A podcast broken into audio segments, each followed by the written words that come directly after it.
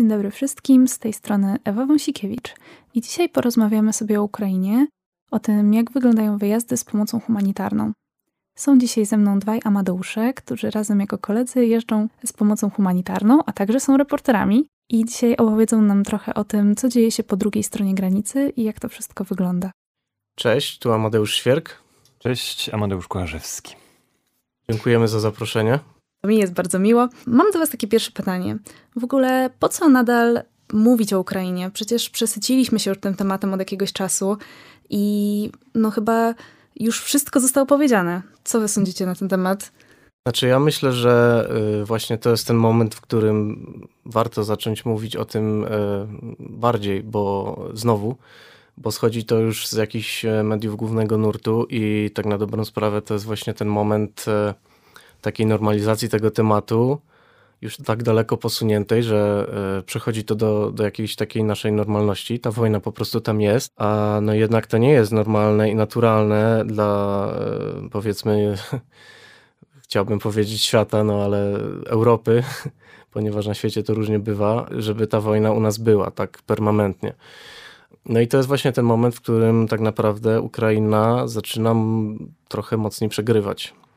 A nie wydaje wam się, że ludzie trochę przesycili się tym, bo jednak jest to bardzo emocjonujący temat. Wiemy przecież, że część z nas po prostu nie radzi sobie z emocjami, które on wywołuje.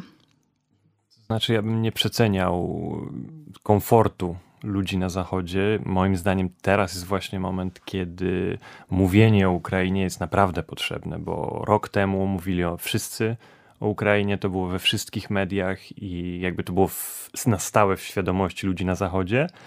A Palestyna niestety totalnie wycięła ten temat. Teraz wszędzie jest Palestyna, no i oczywiście dobrze, bo to, co się dzieje w Palestynie jest straszne, ale tam się nic nie zmieniło na lepsze na Ukrainie. To, to cały czas się tam toczy wręcz jest właśnie coraz gorzej i lada dzień y, Biden prawdopodobnie przegra wybory i zrobi się jeszcze smutniej, a my już właśnie dla własnego komfortu psychicznego chcielibyśmy udawać, że, że tam się nic nie dzieje, a tam się dzieje.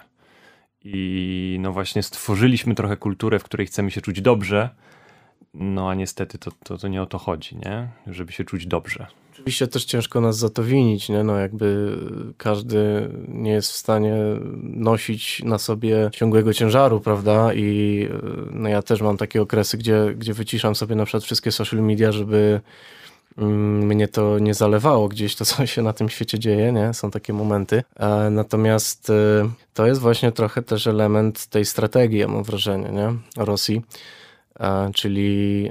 Wziąć na przeczekanie? Zmęczenie materiału, tak. No, mamy w tym momencie już wojnę pozycyjną, to jest już oficjalnie też przez Ukraińców potwierdzone, przez sztab dowo- sił dowodzących.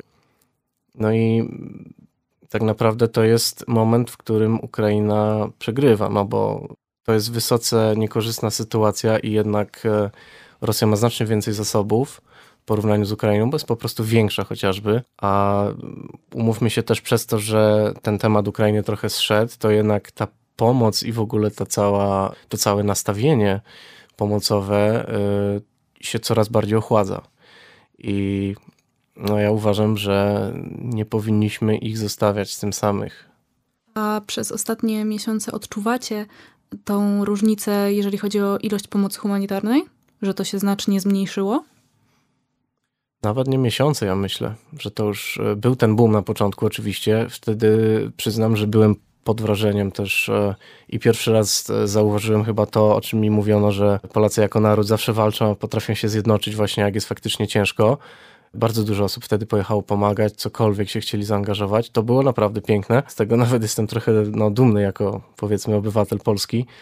Natomiast szczerze mówiąc, już w 2022, no, pod koniec roku, może nie tak nisko jak teraz, ale już zbliżony, do, do zbliżonego poziomu ta pomoc y, od ludzi zmalała i po prostu zaangażowanie zmala, zmalało. No i też y, nie ma się co dziwić, no bo no właśnie, no, musimy bazować na już y, rządowych strukturach, tak? No, oddolne inicjatywy są dobre, często są nawet skuteczniejsze w mikroskali, ale pytanie też, no właśnie, nie? ile możemy jako na przykład pojedyncza jednostka pomóc. Moim zdaniem widać też w ostatnich miesiącach spadek. Nie wiem, czy to jest, e, czy to jest rzetelna wiedza, to co teraz mówię, ale tak jak, jak obserwuję swoich znajomych, którzy cały czas tam są i tak dalej, to, to mam wrażenie, że jest ciężej niż było jeszcze pół roku temu. Wy w ogóle byliście na misji ile razy już? Na misji, duże słowo. To znaczy, my na, najpierw zaczęliśmy na samym początku od takich wyjazdów, właśnie mniejszych, które były takimi szybkimi strzałami, żeby jechać, rozdać pomoc, wrócić. No ja w ostatnie lato spędziłem miesiąc w Donbasie na stałe, w sensie jakby tam była organizacja, która miała swój dom, gdzie było nas około 40 wolontariuszy i, i to była po prostu 6 dni w tygodniu codzienna praca, wstawaliśmy rano, jedliśmy śniadanie, wsiadaliśmy do busów i rozwoziliśmy, co mieliśmy do rozwożenia. I to były dziesiątki ton pomocy. No a teraz, teraz znowu wróciliśmy do takiej, do takiej formy właśnie wyjazdów, takich szybszych ataków, no bo tamta organizacja przestała istnieć. Ja też potrzebowałem chwilę przerwy, ale no myślę, że niedługo będę chciał znowu wrócić i, i znaleźć, znaleźć jakąś opcję, żeby tam być na stałe. Tak, no pytanie, co rozumiemy jako misję? Czy, czy każdy z tych wyjazdów uznajemy za misję? Ja, ja uważam, że to jest trochę za duże słowo. Jakby ja, jak myślę o misji, to wyobrażam sobie powiedzmy półroczny projekt, coś takiego. Ale zaczynaliśmy, no przynajmniej ja po prostu pojechałem drugiego dnia wojny już na granicę.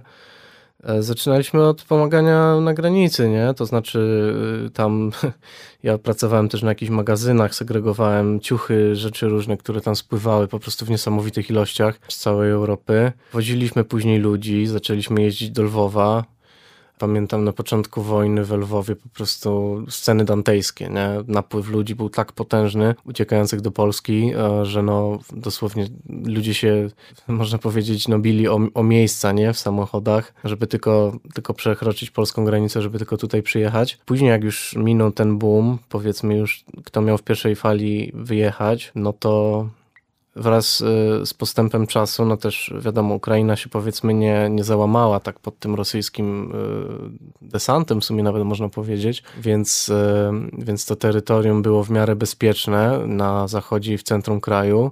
Więc zaczęliśmy jeździć w głąb do Winnicy, tam jest polski klasztor i przez e, kilka wyjazdów na przykład właśnie tam w Winnicy mieliśmy taki no, punkt docelowy, bądź też punkt, gdzie później dalej te rzeczy po prostu były jeszcze przez innych ludzi przerzucane. Myśmy też tam zwierzętom pomagali, no wywieźliśmy trochę zwierzaków, no a później yy, i tak już jest tak na dobrą sprawę do teraz. No wygląda to już tak, że nie ma sensu jechać na zachód Ukrainy w ogóle, nie? czy do centrum, czy w ogóle no, nawet do miast typu Charków za bardzo nie ma sensu, mimo że e, no, na przykład Charków, tak jak Hersoń czy Zaporoże, czy Dniepr, to są takie duże miasta ukraińskie, które są właściwie na, może Dniepr troszkę mniej, ale one są praktycznie codziennie ostrzeliwywane i to takimi cięższymi rzeczami, bo tam jeszcze mm, dolatują te rakiety o trochę mniejszym zasięgu. No i zaczęliśmy po prostu w miarę stabilizacji, powiedzmy, wyklarowania się sytuacji, jeździć coraz dalej na wschód. Nie? Obecnie ja uważam, że mm, i wielu też ludzi, którzy jeszcze do dzisiaj są w to zaangażowani, no, no uważamy i mamy taką w ogóle filozofię, żeby tą pomoc transportować do rąk docelowych, bo niestety jest też korupcja i i po prostu to potrafi zniknąć. Nie? Ja byłem świadkiem, jak e, tir, e, ciężarówka z 16 tonami karmy dla zwierząt z Finlandii została przejęta przez mafię ukraińską po prostu. Nie? Karma dla zwierząt i nigdy nie dotarła. Także takie rzeczy też się dzieją niestety, ale no trzeba, to jest trochę walka na dwa fronty. Rozumiem. W takim razie może wgryźmy się w temat, poruszając e, wasz ostatni wyjazd. Może opowiemy sobie, jak to wszystko wygląda, jak się przygotowywaliście do takiego wyjazdu i jaka była, jaki był wasz zamysł, co chcieliście osiągnąć i jak sobie to zaplanowaliście w ogóle. No, naszym ostatnim wyjazdem był Kupiańsk. To było to był trip połączony. Z jednej strony robiliśmy właśnie pomoc humanitarną, z drugiej strony robiliśmy tam reportaż, który się ukazał w Kiev Independent. I co? Najważniejsze oczywiście zawsze przed każdym wyjazdem jest auto. To jest klucz każdego wyjazdu. No, jak się już ma auto, no to drugą kwestią jest pomoc. My współpracujemy na stałe z taką organizacją niemiecką Ukrainę Hilfe i do Kupiańska wieźliśmy pełne auto medycyny, nie tyle leków, co, co jakieś tam bandaży i tego typu historii.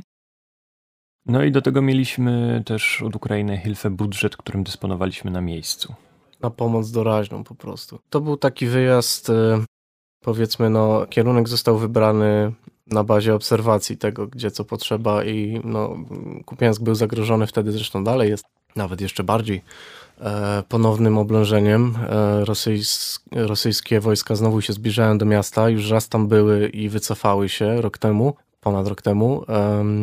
No i właśnie teraz e, ten front znowu się opiera o to miasto. Już kolejna wioska przy bodajże Sękiwka chyba właściwie już przestała, przestała istnieć na skutek e, działań wojennych pod miastem, także ten front się zbliża. No my byliśmy tam w październiku zeszłego roku i wtedy no jeszcze 5 km, już w pewnym momencie 5 kilometrów od miasta były działania wojenne i byliśmy na przykład w domu u człowieka, e, który w ogóle no, ma niemowlaka półtora rocznego i jego żona przyjeżdża z tym niemowlakiem właśnie w odwiedziny w każdy weekend do niego. No i, i właśnie ten człowiek żył jeszcze 5 km od linii frontu, nie? Na przykład.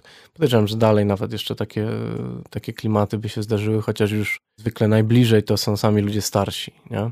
Zwykle niedołężni albo tacy niemobilni, biedni po prostu. No i właśnie to jest też e, taki, e, powiedzmy, jeden z naszych e, jakichś takich celów, żeby właśnie takim ludziom tą pomoc dostarczać ludzie bez samochodu, którzy są gdzieś daleko od centr dystrybucji tej pomocy, po prostu jej nie dostają zwykle. Nie? Oczywiście są tam jakieś ukraińskie też inicjatywy i są organizacje, które działają bardzo dobrze ukraińskie, ale to jest wciąż za mało nie? na te potrzeby.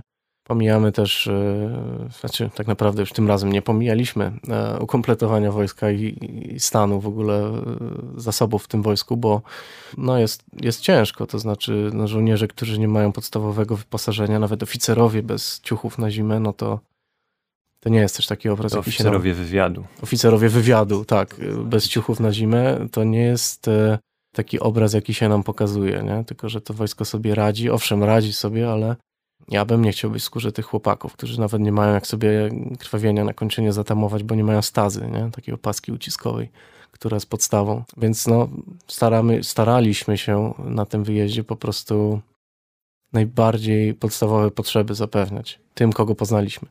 Czyli czujecie to, że nie da się dotrzeć do każdych drzwi, zapukać do każdej osoby i podzielić się pomocą z nią, że są te małe wioski, czy właśnie starsi ludzie, którzy nie docierają do centrum miasta i oni są pozostawieni sami sobie? Da się to zrobić, da się to zrobić, tylko trzeba mieć pieniądze i struktury. I jeszcze pomoc musi spływać też skądś, nie? No, tak jak mówię, środki i struktury. Ale to się rozbija coś takiego, coś takiego właśnie robiliśmy w Donbasie, w Road to Relief, w tej organizacji, w której ja byłem w sierpniu z jednej strony wspierały nas większe organizacje, bo warto też zaznaczyć, że im bliżej frontu, tym organizacji jest mniej. E, nie wiem, jak to wygląda na innych wojnach, ale tutaj na froncie ukraińskim, no, na przykład lekarze bez granic nie docierają do frontu, nie? tylko siedzą w Kijowie. Tak jak mówię, nie wiem, jak to wygląda na innych konfliktach, tak jak oglądam na przykład Palestynę, no to tam, tam to widać, że ci ludzie tam działają, Prawdopodobnie na Ukrainie potrzeby nie są aż tak palące jak w Palestynie. Myślę, że to też jest trochę problem tego konfliktu, że to jednak nie jest Sudan, gdzie po prostu ludzie nie mają dostępu do wody. Tam dwa kilometry od frontu działają sklepy spożywcze. Fakt, że wielu ludzi nie ma pieniędzy, żeby pójść do tego sklepu spożywczego, ale to są trochę inne problemy i ja rozumiem, że takie ogromne organizacje jednak większy, większy akcent kładą na konflikty, gdzie na przykład trzeba po prostu zbudować małe miasteczko z własną elektrownią, z własną studnią i tak dalej, żeby pomagać ludziom. Ale to jest też e, pewien problem tego tak naprawdę, bo to sprawia takie wrażenie właśnie, że oni tam wszystko mają, a przykładowo, no właśnie nawet osoba, która była dobrze sytuowana, a jednak w Ukrainie sporo było też bogatych ludzi po prostu, nie? Straciła swoje miejsce pracy. Nie? Mówmy się, że w warunkach, czy nawet w, w otoczeniu, w pobliżu kilkadziesiąt kilometrów od działań wojennych, bardzo dużo miejsc pracy przestało istnieć i to powoduje, że ci ludzie, często ci, którzy zostali, nie mają funduszy. Przykładowo w Charkowie, znaczy to jest chyba akurat standard w Ukrainie, ale wiem, że w Charkowie, e, w takiej też zniszczonej dzielnicy Saltivka, tam właśnie też Rosjanie podchodzili, to wielkie blokowisko, które zostało po prostu ostrzelane nie, z czołgów i z artylerii, e, no to spotkałem w marcu osoby, pierwszych takich, no powiedzmy, ludzi, którzy zaczynali tam wracać do swoich mieszkań, nie? którzy próbowali coś tam uratować. Tam jeszcze nie było często prądu, wszystko było no takie, trzeba to zniszczone okna, wiadomo, woda, woda w domach i tak dalej, w mieszkaniach. I oni mówili, że no właśnie też nie mają już miejsc pracy, bo zostały zniszczone, no i dostają emeryturę, znaczy, przepraszam, zapomogę 2000 hrywien. No i 2000 hrywien to jest około 200 zł miesięcznie, nie? więc powiedzmy sobie, ile za to się da kupić, e, bo ceny w Ukrainie są generalnie wyższe niż w Polsce za wiele produktów. Wcale nie jest taniej. Także to jest też tego typu kwestia, że ktoś może mieć nawet dobrą puchową kurtkę, a po prostu nie mieć kasy. Nie? Dlatego bardzo też niebezpiecznym właśnie jest taki no, medialny dialog. Powiedzmy, że ta Ukraina jest też taka silna. Paradoksalnie on też oczywiście pomaga, nie? Jakby jego, jego powód jest jasny, ale to właśnie sprawia, że często y, Zachód y, ciężej, ciężej empatyzować tym ludziom, z tymi ludźmi w Ukrainie i nie rozumieją pewnych też mechanizmów, nie? Nie wydaje wam się, że właśnie ta narracja, którą przyjęto na początku wojny z Ukrainą, że Ukraina jest silna, że ona da sobie radę, pozwoliło na to, że ludzie mieli tą wiarę, że oni dadzą sobie radę, że wystarczy im trochę pomóc, że wyślemy dużo tej pomocy i oni sobie poradzą. Że to było stworzona ta narracja właśnie po to, żeby więcej osób zainteresować, żeby ludzie nie stwierdzili, że oddajemy walkowerem, bo Ukraina jest za mała, żeby poradzić sobie z Rosją. Tak, ja myślę, że właśnie to od początku ta propaganda sukcesu wynikała z tego, że żeby przekonać Zachód, żeby nie odpuszczali, nie? Że, żebyśmy nie, nie stawiali krzyżyka na Ukrainie, że dajemy radę, żeby pokazać, że właśnie warto nam pomóc, warto nas wesprzeć, bo faktycznie dobrze wykorzystujemy tą pomoc i dajemy sobie radę na tym froncie i tak dalej. No ale teraz Teraz właśnie Ukraina stała się trochę niewolnikiem tej, tej propagandy sukcesu. Tym bardziej, że tak jak właśnie Amadeusz przed chwilą wspomniał, wojska są słabo wyposażone, mimo tej e, dużej przecież pomocy z zachodu no to to jest pomoc, która idzie na zakup działu, a nie na zakup zimowych gaci dla, dla żołnierzy, nie? I z wieloma osobami na froncie rozmawiałem i zawsze wszyscy mówili to samo, że to wszystko stoi tylko i wyłącznie na oddolnych inicjatywach. Na żołnierzach, którzy przychodzą, przychodzą do jednostek rekrutacyjnych, umundurowani, uzbrojeni, i jakby zbiórkach poznajomych na karabin dla kolegi tak, i, i tego typu inicjatywy, tak. Oni to często sami kupują i jest w ogóle bardzo dużo też wolontariackich takich no, oddziałów, ale fakt jest, że Ukraińcy umieją się bić. No, to są kozacy, nie? Tak historycznie. I e, też jak spojrzymy na, na dzieje tego kraju, to, to jest taki, taki, takie miejsce, gdzie w sumie zawsze była jakaś wojna. Nie? Tam, tam rzadko było spokojnie ale też e, z drugiej strony, no, oni zawsze za to płacili bardzo wysoką cenę i płacą dzisiaj. No to społeczeństwo jest po prostu niszczone systematycznie przez Rosjan e, na bardzo, bardzo, na każdej właściwie możliwym, na możliwej płaszczyźnie i naprawdę ciężko to w ogóle opisać i ciężko to pojąć, e, może tak, nie wiem, no, protekcjonalnie to powiem, ale jak się tam nie było.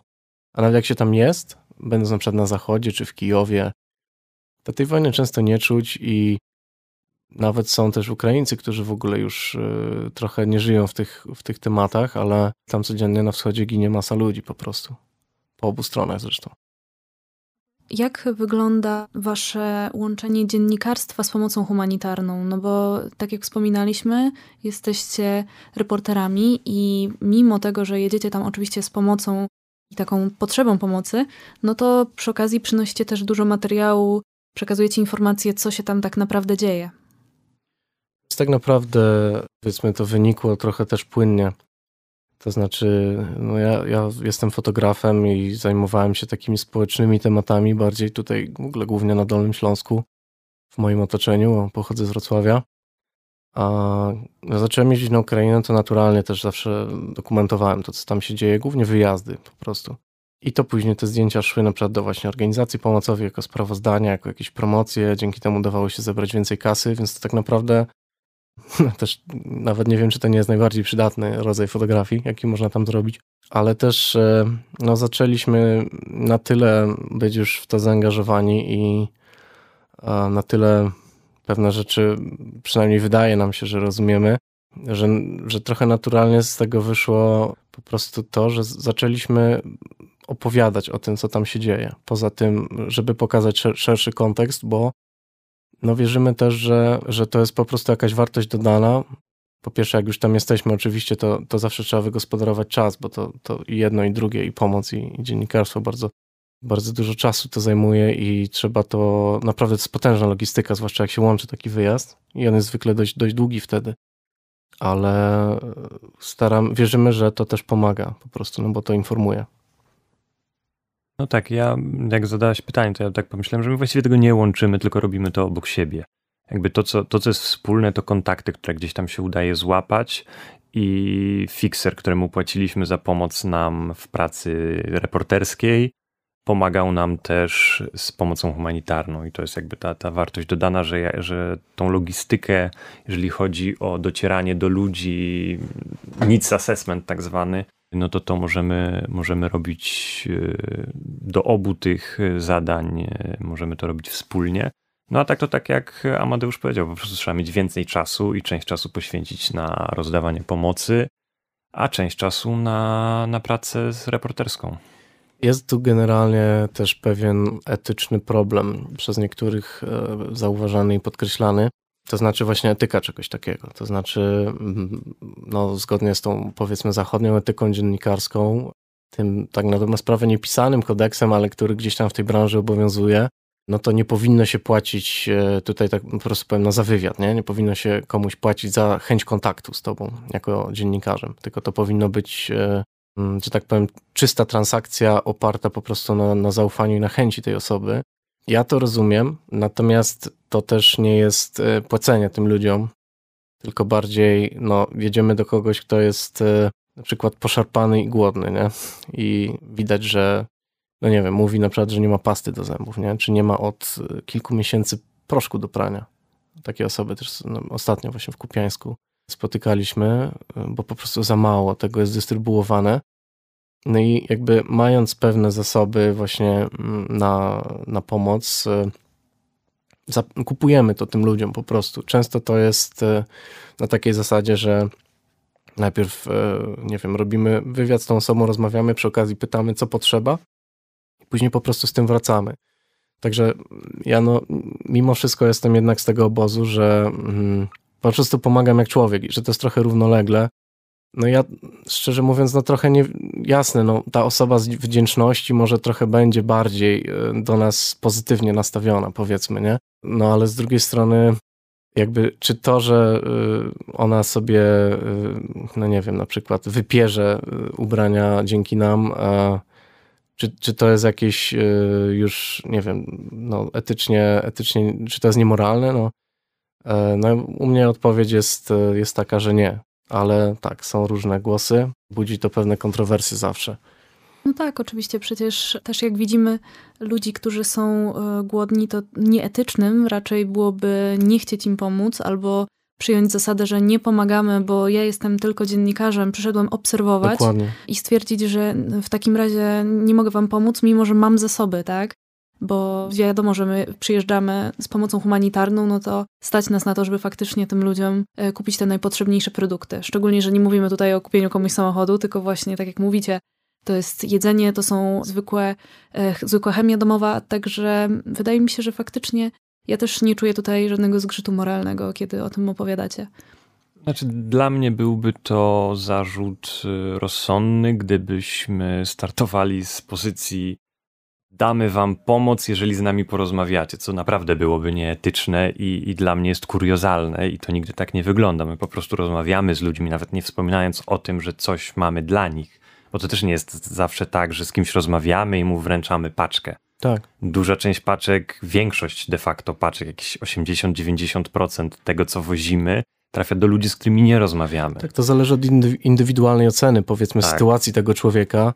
Natomiast jest też, y, ja przytoczę tu może taką sytuację dość słynną swego czasu. Było takie zdjęcie Kevina Cartera z Bang Bang Clubu. To, jest, to, to była taka grupa fotoreporterów, która w latach 90. jeździła po wszystkich znaczących konfliktach dziejących się na świecie. Generalnie no, to bardzo, bardzo dobrzy fotografowie, ale też e, bardzo kontrowersyjna z perspektywy czasu e, postawa. Zaburzeni, no, uzależnieni od adrenaliny i akcji.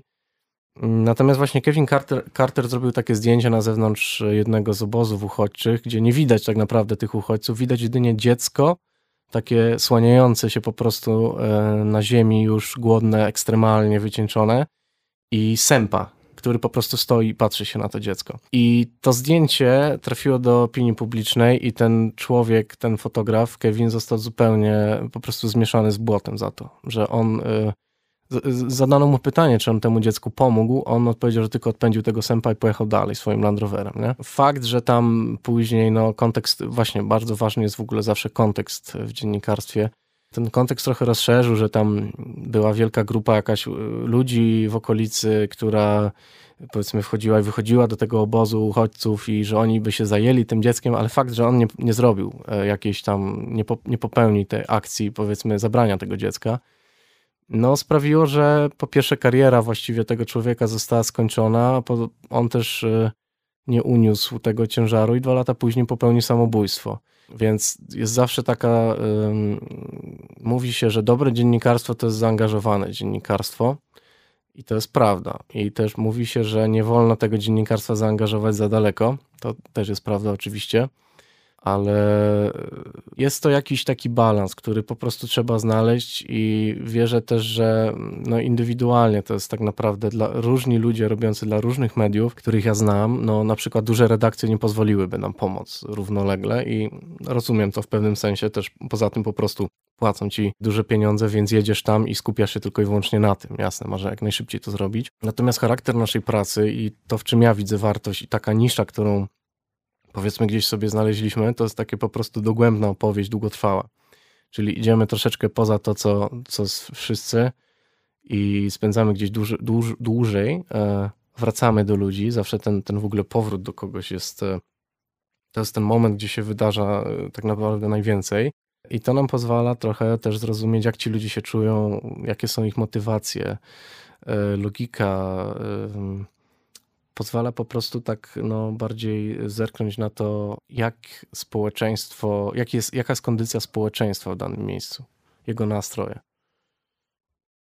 A czy zauważyliście, że jadąc właśnie z pomocą humanitarną bądź reportersko, spotykając też innych dziennikarzy, czy zauważyliście, żeby każdy był tam z potrzeby pomocy, czy może faktycznie spotkaliście kogoś, kto był tam, żeby zobaczyć, tak? Albo był, żeby właśnie poczuć adrenalinę latających kul nad głową?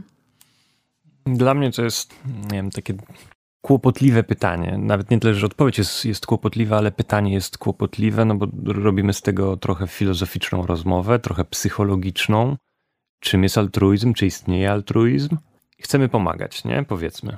My, dwa Amadeusze, chcemy pomagać. To czemu nie pomagamy tutaj, na miejscu, robiąc, nie wiem, zbiórkę, nagłaśniając tą zbiórkę i zbierając dary i nie zostawiamy wożenia tych darów komuś innemu?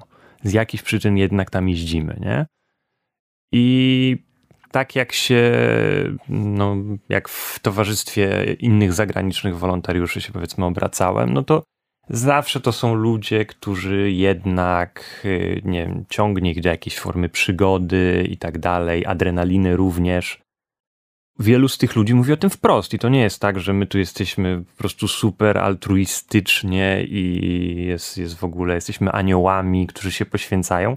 Nie, no umówmy się, ten czas, który spędziłem w Słowiańsku, ten miesiąc, to był super czas. Jakby, no nawet ciężko mi do czegoś to porównać, no ale mieszkamy sobie z ekipą w jednym domu z naprawdę fajną ekipą, gdzie ludzie są od Nowej Zelandii przez Stany Zjednoczone, Japonię, Brazylię i całą Europę. Mamy jakby międzynarodowy miks naprawdę fantastycznych ludzi, bo umówmy się, selekcja jest ostra, to nie są jacyś nudni, nie wiem, nie, nieinteresujący ludzie, tylko z reguły to są naprawdę fajne osoby. I to jest, jest fajne, nie? To jest przyjemne do momentu oczywiście, kiedy ktoś nie zginie, ale, ale tak, no, no, ta praca ma mnóstwo zalet, nie? I ja myślę, że nie ma nic złego w tym, że, że z tych zalet jakby korzystamy, nie? Dobrze jest wiedzieć, czego chcemy od życia i to robić, nie? Równolegle ludzie, którzy potrzebują adrenaliny, y, potrafią płacić za wycieczki na wojnę. Był taki proceder, że po prostu Ukraińcy, jacyś szemrani powiedzmy, organizowali wycieczki na front. By, były jakieś afery z tym związane, że zagraniczni, no nie wiem, jakieś bananowe dzieci po prostu przyjeżdżały sobie na Ukrainę przeżyć przygodę na wojnie. Płacili firmie turystycznej za wycieczkę na wojnę, nie? I każdy z tych wolontariuszy mógł zrobić coś takiego, a jednak zdecydował się przyjechać do organizacji, w której 6 dni w tygodniu, naprawdę od 8 do 17, ciężko pracuje za darmo. Natomiast e, taka grupa ludzi, która idzie w tym za daleko, jest zawsze obserwowalna. I to zarówno w przypadku wolontariuszy, w przypadku reporterów, w przypadku żołnierzy również. E, po prostu wojna daje tak silne emocje, to jest, to jest tak silne doświadczenie, no po prostu strach e, taki no, najwyższego poziomu i wyrzut no, kortyzolu, adrenaliny, po prostu to, to są uzależniające rzeczy. I wiele ludzi traci nad tym kontrolę. Mm, I tak na dobrą sprawę ja, ja powiedziałbym, że to są ludzie z każdego możliwego obszaru. No bo tak po prostu ludzie działają. Nie każdy jest w stanie to po prostu unieść i jakoś trzymać na wodzy. I jest to też widoczne w mediach również e, dość intensywnie. Mm, myślę, że nawet tam jest nadreprezentacja, ponieważ w ogóle z moich może prywatnych obserwacji, to już jest moja prywatna opinia, ale media w bardzo dużej mierze opierają się na, e, na psychopatach po prostu. I takich ludzi jest sporo. E, I oni to często jeszcze okej, okay, nie? Jeśli oni są tam sami na przykład. A natomiast to bardzo rzadko są takie sytuacje, że oni narażają tylko siebie. Zawsze naraża się jeszcze kogoś. Kogoś, kto będzie cię próbował uratować, kogoś, kto kogo po prostu, nie wiem, wystawisz przypadkiem, ciągnąc gdzieś ze swojego fiksera, czyli tego człowieka, który ci ogarnia rzeczy. No, myślę, że racjonalność jest e, w mniejszości e, i to jest też kolejna, e, kolejne tak na dobrą sprawę, chyba największe niebezpieczeństwo takiego, takich ludzi, oni są po prostu nieodpowiedzialni w tym, jak opowiadają i często potrafią zaszkodzić sprawie zamiast jej, zamiast jej pomóc. To jest tak naprawdę największa chyba, e, największe niebezpieczeństwo po prostu, e, gdy zjawia się tam ktoś, kto chce po prostu to poczuć, zrobić sobie jakąś, jakieś nazwisko, jakąś karierę na tym i tylko na tym mu zależy, a nie zależy mu na dobru sprawy i dobru swoich bohaterów. Powiedzcie mi, gdzie jest wasza granica, kiedy jedziecie z pomocą? Czy są jakieś rzeczy, których zdecydowanie nie chcecie robić, miejsca, do których nie jeździcie? Jak to wygląda? Mm, to znaczy, ja na, mam takie od samego początku, yy, przyświeca mi bardzo prosta zasada, no nie pojadę na rosyjski blogpost, ale to jest oczywistość chyba dla każdego, kto tam jest, nikt tego nie robi, bo z takich blogpostów się nie wraca. Po prostu ludzie, którzy przez pomyłkę wjechali na rosyjski blogpost, często gęsto po prostu byli z miejsca rozstrzeliwani na tym blogpoście. Więc ja jak już pierwszy raz jak tam pojechałem, to miałem tak, że okej, okay, możemy jeździć, ale tylko po ukraińskiej stronie. I to jest dla mnie taki, no ale mówię, no to nie jest żaden wymyślny wymóg, bo, bo nie znam żadnego człowieka, który dobrowolnie by pojechał na rosyjski blogpost. No tak, oczywiście, przecież nie pomożecie, kiedy tracicie życie. Tak, no ja mam też takie poczucie, mm, to też widać ciekawą różnicę między wolontariuszami międzynarodowymi, a wolontariuszami ukraińskimi. Ja mam trochę lot bardziej właśnie jak ukraińscy y, wolontariusze, to znaczy, jeżeli tam jest niebezpiecznie, a jest tam potrzebna pomoc, to ja mogę tam jechać, jakby mogę zaryzykować, żeby dostarczyć pomoc.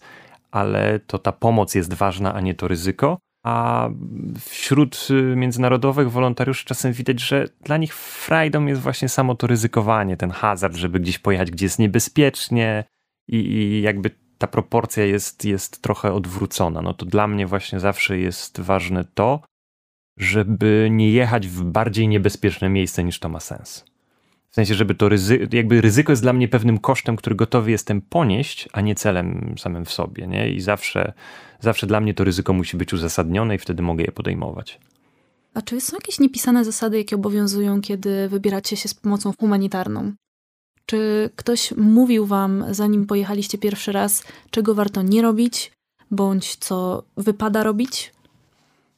Dobre pytanie. Na pewno być szczerym e, ze wszystkimi odnośnie tego, co się robi i po co tu się jest. I tak samo oczywiście jest to w przypadku zbierania materiału. No to tam to jest w ogóle podstawa. Ale myślę też e, umiejętność, e, znajomość języka jest jednak trochę istotna i umiejętność chociażby porozmawiania na zasadzie, gdzie można jechać, a gdzie nie, gdzie jest bezpiecznie, gdzie się coś stało, gdzie lepiej nie jechać. Także to jest też bardzo niebezpieczne, gdy ktoś tam jest na przykład e, sam i tego języka nie zna. Zdarzały się takie przypadki. My tak naprawdę wszystkiego się chyba uczyliśmy sami i od innych.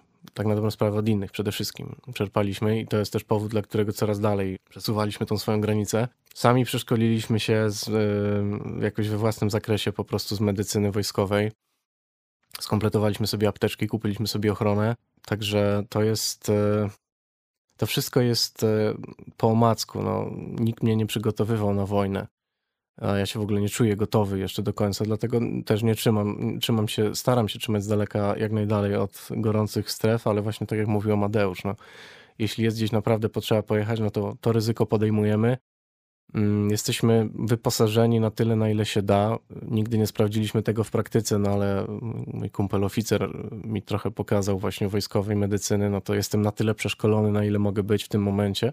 I tak na dobrą sprawę, no to wszystko, to wszystko polega na obserwacjach i szczerej intencji, uważam. No, jest to już tak dalece no oczywiście im bliżej frontu, tym, tym mniej zasad obowiązuje tak naprawdę. To jest też taka, ta, też taka niepisana zasada, powiedzmy, a raczej tak po prostu jest. Więc e, trzeba mieć jakieś swoje własne zasady i no, ewentualny plan B, nie? Jeśli coś naprawdę się wali albo słyszymy, że coś wybuchło blisko, to po prostu nie ma bez mrugnięcia okien, nie? Odjeżdżamy stamtąd, e, wyjeżdżamy jak najszybciej. Nie ma, nie ma co ryzykować na, na e, niepotrzebnie. Aczkolwiek oczywiście no, były takie sytuacje, było ich kilka i zachować zimną krew, no chyba to jest też bardzo istotne w tym. Jak e, jeździcie z pomocą humanitarną, no to tak jak wspominaliście, pomagacie sobie poprzez kontakt z fundacją i to oni pomagają wam wybrać dokąd pojechać, do kogo e, dostarczyć tą pomoc, gdzie jest ona najbardziej potrzebna. A jak wygląda to ze strony dziennikarskiej? Jak znajdujecie swoich rozmówców? Rozmówców znajdujemy na miejscu. Tak jak ostatnio byliśmy w Kupiańsku, mieliśmy świetnego fiksera, chłopaka, który jest Ukraińcem i jest naprawdę mega kontaktowy, też e, ma mnóstwo znajomych w armii i nie tylko. No i no nie wiem, na przykład e, pojechaliśmy z tą pomocą od Ukrainy Hilfe, odwiedziliśmy szpital, więc od razu porozmawialiśmy z tymi ludźmi w szpitalu. E, mieliśmy też jakieś pomysły własne, że no, na przykład chcielibyśmy odwiedzić piekarnię, więc znaleźliśmy tą piekarnię jakoś tam po prostu pytając ludzi. Ostatnia piekarnia w mieście, nie? który jest zagrożony oblężeniem. No, tak, to też po prostu czasem jadąc gdzieś ma, musisz mieć jakiś konspekt, jeśli coś chcesz zrobić. Im więcej planu masz, tym lepiej teoretycznie. Mhm. A na bieżąco i tak, jeszcze drugie tyle rzeczy wynika na bieżąco, bo coś się pojawia, coś się wydarza, kogoś się spotyka. Tak a propos tych zasad, o które pytałaś, jeżeli chodzi o techniczne zasady, to ich jest całe mnóstwo, nie? Od takich najprostszych, żeby mieć na sobie kamizelkę i hełm. Nie? To jest bardzo ważne, a nie dla wszystkich oczywiste. Żeby nie jeździć samemu. Jakby takich, takich kwestii jest mnóstwo. Jeżeli chodzi o takie bardziej etyczne, no to dla mnie zawsze najważniejsze jest to, żeby żeby to dobro tych ludzi było najważniejsze i nie tylko takie dobro, żeby im coś dać, ale żeby też oni mieli swoją ludzką godność, nie? Bo e, tak jak było bardzo dużo na samym początku takich transportów, kiedy ktoś po prostu miał duże auto, robił po znajomych zbiórkę, ładował, ładował to auto pomocą, no i jechał na front, żeby to wszystkim rozdać, podjeżdżał, otwierał ciężarówkę i ci ludzie się na to rzucali i no to, to po prostu jest upokarzające dla tych ludzi, nie? Odbiera im godność. To jedna sprawa. Druga sprawa, ci, którzy najbardziej potrzebują tej pomocy, prawdopodobnie jej nie dostaną.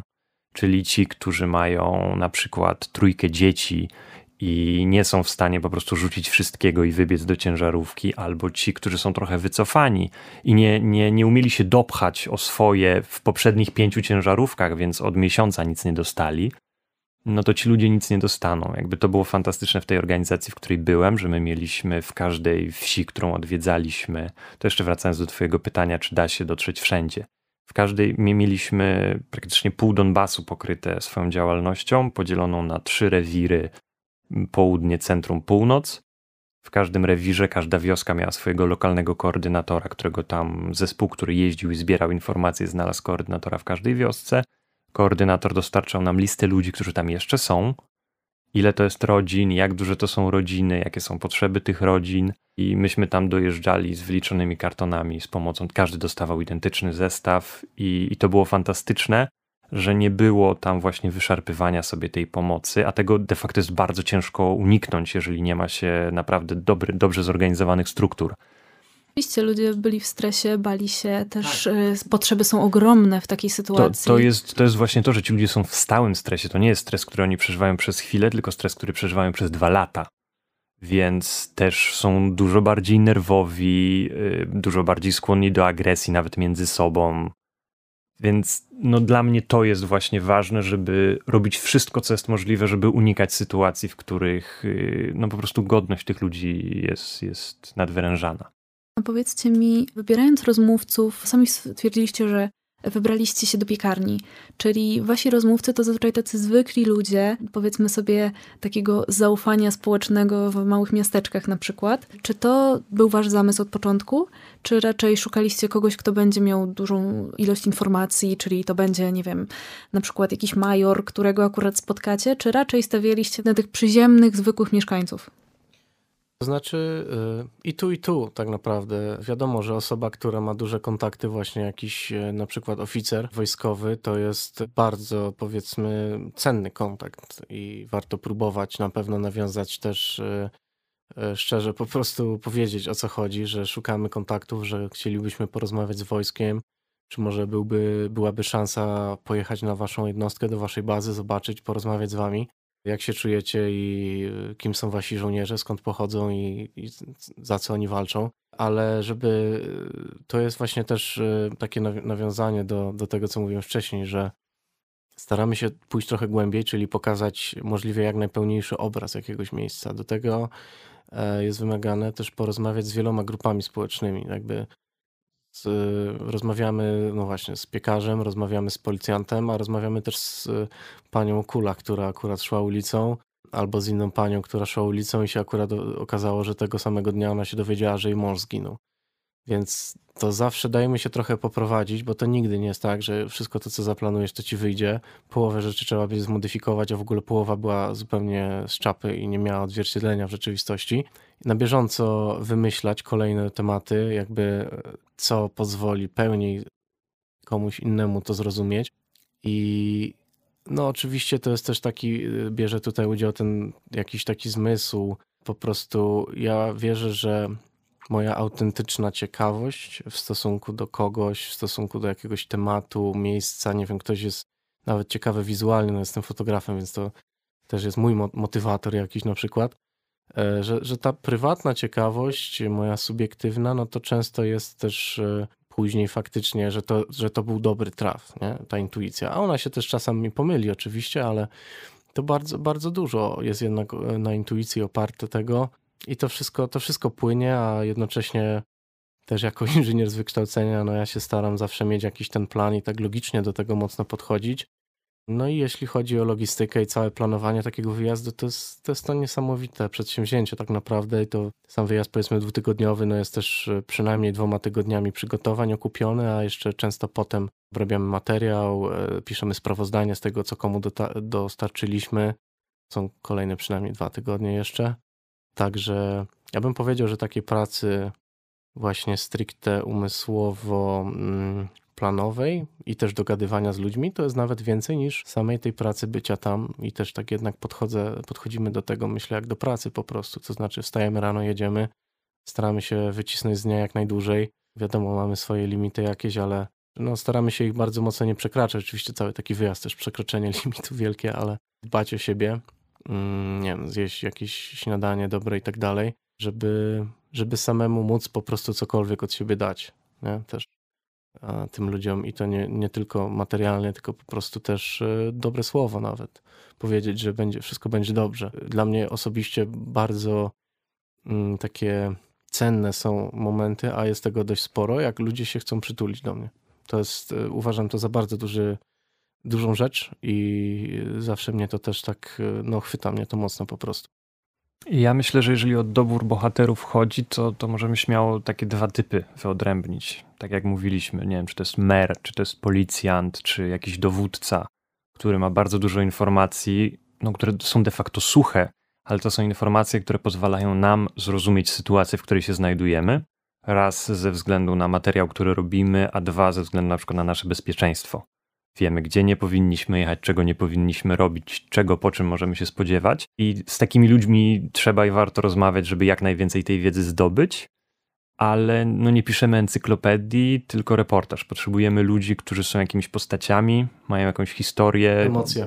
Tak, że, że jakby to jest jakiś bohater, o którym możemy opowiedzieć. Żeby o nim opowiedzieć, potrzebujemy całej tej wiedzy, ale ta wiedza jest jakby mimochodem w tym reportażu, który jest historią ludzi, konkretnych bohaterów. I to są takie dwa, myślę, podstawowe typy ludzi, z którymi rozmawiamy, bo czasami to nie zawsze tak jest. Czasem jedna osoba może być jednym i drugim, ale czasami po prostu ludzie dostarczają nam dużo informacji, a w materiale ich nie ma. Ja też tak kończąc wierzę, że proza życia to jest tak naprawdę y, to, co tą historię robi i takie historie zwykłych ludzi, które się składają w ten obraz, to jest coś, co pozwoli najbliżej może jakby znaleźć się czytelnikowi czy widzowi tego, tamtych ludzi, tego, co oni czują, ale też naczelno, naczelne kryterium w ogóle wyboru też bohatera i sposobu, w jakim się o nim e, mówi, bo to jest wielka odpowiedzialność, to jest to, żeby po prostu nie szkodzić tej osobie.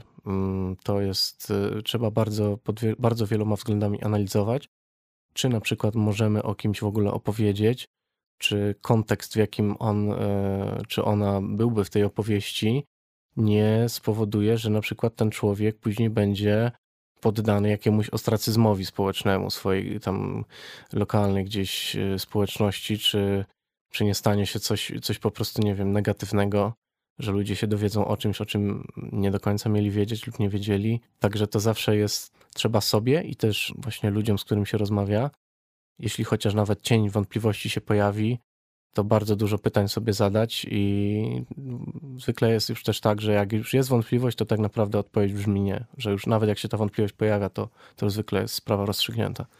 To bardzo poważny przykład, że, że, że jakby coś się może wydarzyć w lokalnej społeczności, jakiś ostracyzm, ale możemy na przykład po prostu niechcąco śmieszyć tą osobę. I to też jest rzecz, na którą trzeba uważać, nie? żeby te żeby w dobrym, żeby pokazywać prawdę, ale nie, nie ośmieszać ludzi, o których, się, o których się mówi. Rozumiem. A jacy są w ogóle ci ludzie? No bo jednak oni w jakiś sposób muszą zaadaptować się do tych ekstremalnych warunków. Czy widzicie to, że oni faktycznie mają już jakieś inne zachowania? No bo Wiemy przecież, że poza linią frontu działają sklepy, działają różne miejsca pracy, ludzie chodzą po ulicach, a nad ich głowami tak naprawdę latają e, cały czas bomby. Jak wy to oceniacie przy przebywaniu z takimi osobami? Czy widzicie jakieś znaczące różnice w ich zachowaniu, w tej adaptacji? To bardzo często jest tak, że e, wjeżdża się gdzieś w kamizelce kuloodpornej i hełmie. Człowiek już czuje, jak mu ta krew krąży żyłami po prostu w sposób niesamowicie przyspieszony. A tutaj ludzie normalnie idą z siateczkami do sklepu na zakupy, nie? I sobie gadają na ławeczce. I bardzo dużo tych miejsc tak wygląda. Tylko też y, charakterystyka tych miejsc jest taka, że, że te rzeczy potrafią się zmienić dosłownie z sekundy na sekundę. To znaczy, jak się usłyszy często na przykład lecący pocisk, no to się ma generalnie około sekundy, żeby się rzucić na ziemię. I ci ludzie, którzy tam funkcjonują, są z tym mniej lub bardziej pogodzeni, oni są świadomi tego ryzyka, świadomie myślę je podejmują. Bardzo dużo ludzi wyjechało, ale całkiem sporo też zostało i motywacje tych, którzy zostali są też e, dość jasne. To znaczy ktoś pracował na przykład całe życie na swój dorobek i po prostu nie chce tego zostawić maruderom do rozgrabienia.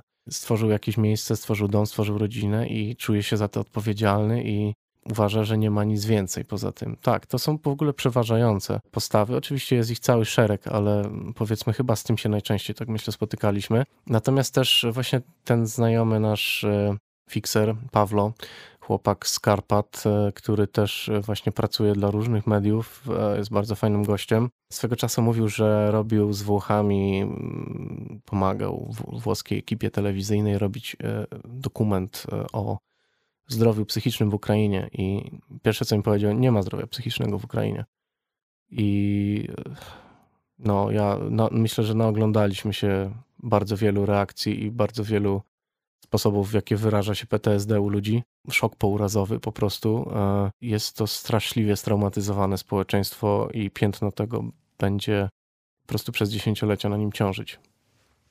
Tak, na pytanie, jacy to są ludzie, ja bym powiedział, że to są zwykli ludzie, nie? To są tacy ludzie jak ty czy ja, no, tylko że są permanentnie zestresowani już drugi rok. Żyją w ciągłym, bardzo silnym stresie.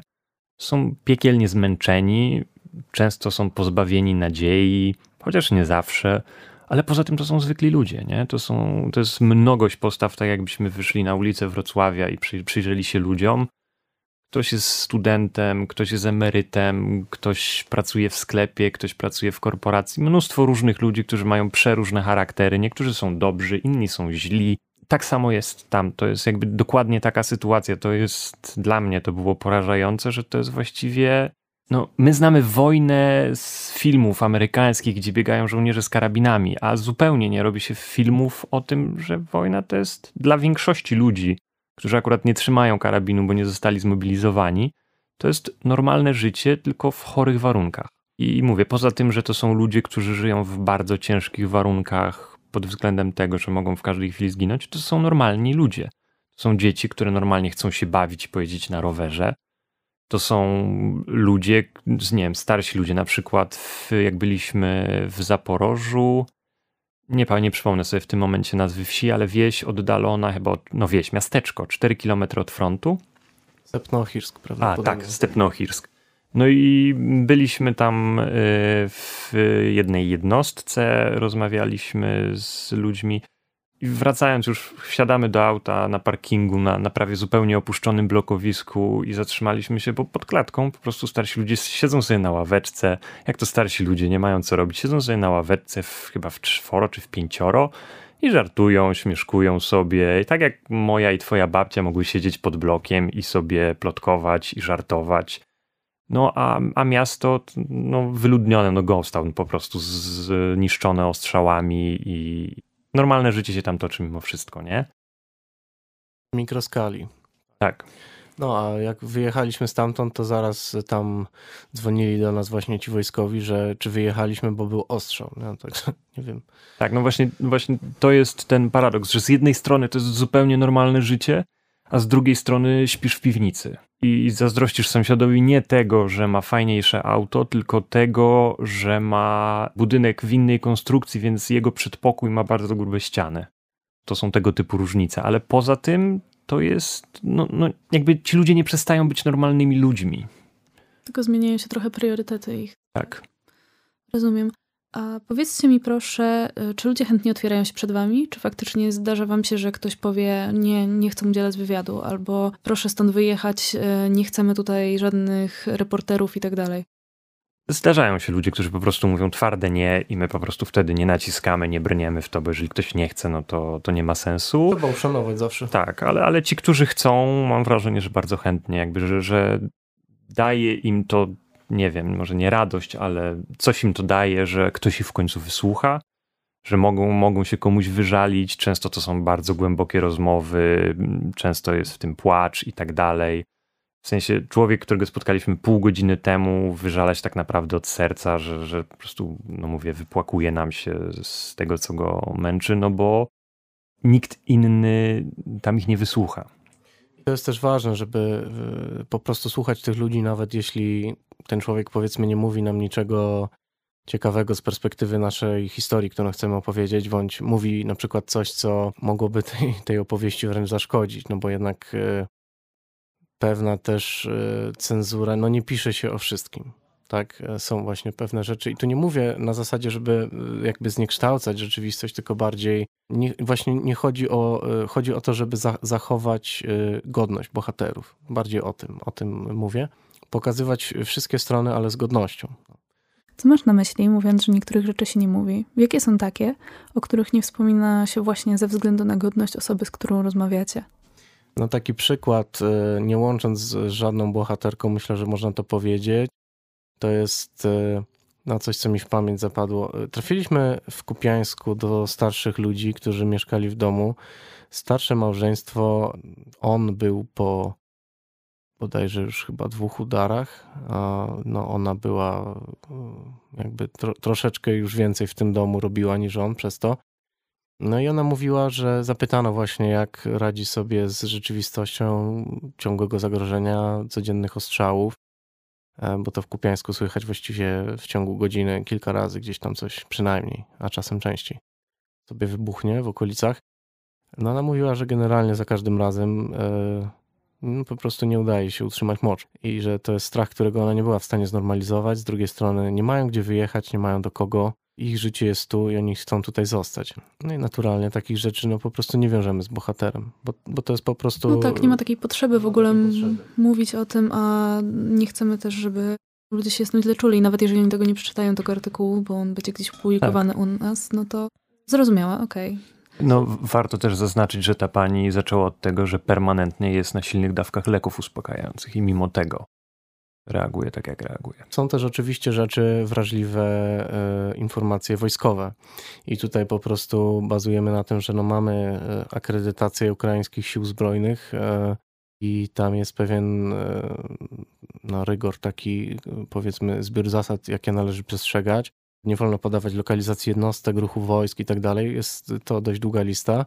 I jeśli nawet już, to muszą być to nieaktualne informacje więc takich rzeczy naturalnie też nie podajemy, e, bądź wręcz nawet e, jest to celowo zmieniane. Na przykład imiona żołnierzy są zmieniane, jeśli oni sobie nie życzą podawać swoich imion, albo tylko ich kryptonim jest podawany. Też e, powiedzmy kodeks dopuszcza, żeby, żeby właśnie zmienić to imię, to znaczy ma być zachowany sens, natomiast nie musi być to łączone już z tym konkretnym żołnierzem, z tym konkretnym człowiekiem.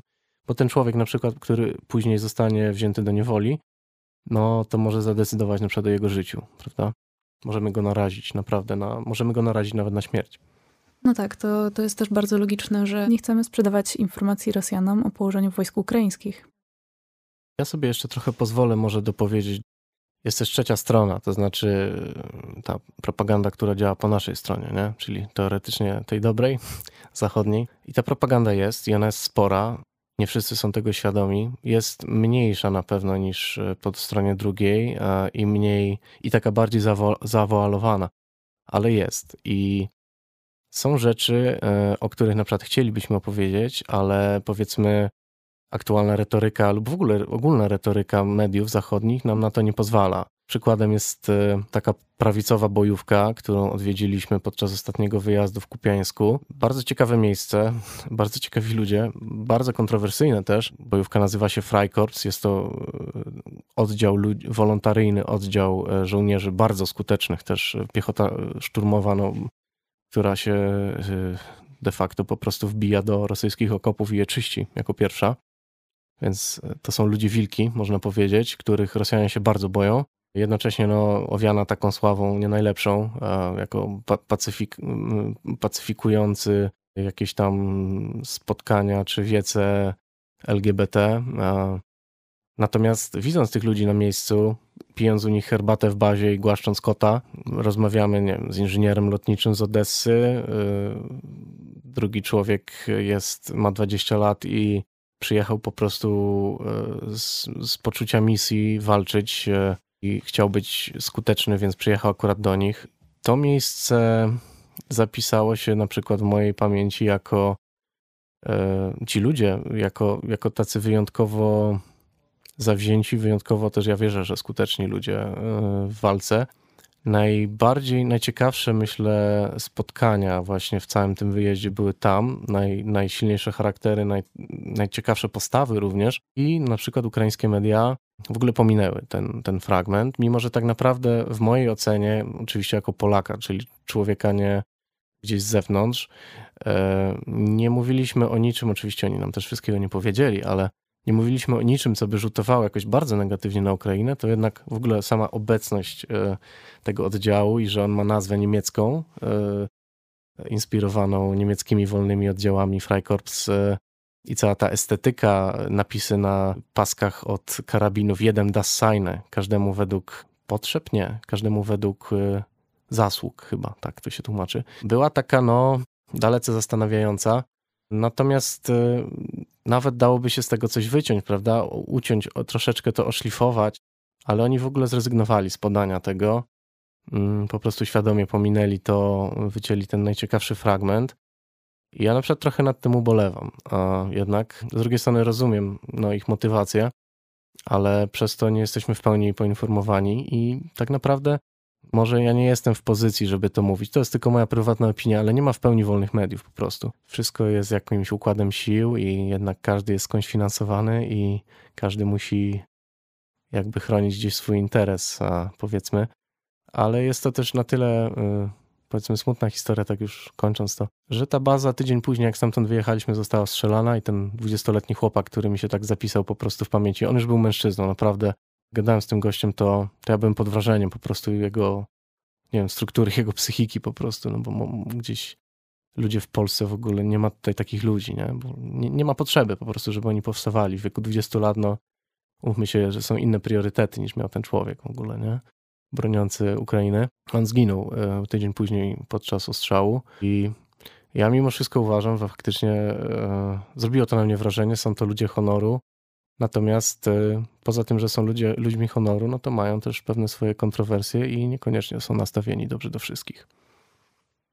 Tak, to też w tym tkwi pewna ironia losu, bo jeden z bohaterów właśnie z Freikorpsa, którym w sumie najdłużej rozmawialiśmy, najciekawsza postać, y, pojechaliśmy tam z, z takim poczuciem, że no, no, reputację mają taką, że jedziemy do takiej neonazistowskiej bojówki. No i ten gość był Żydem.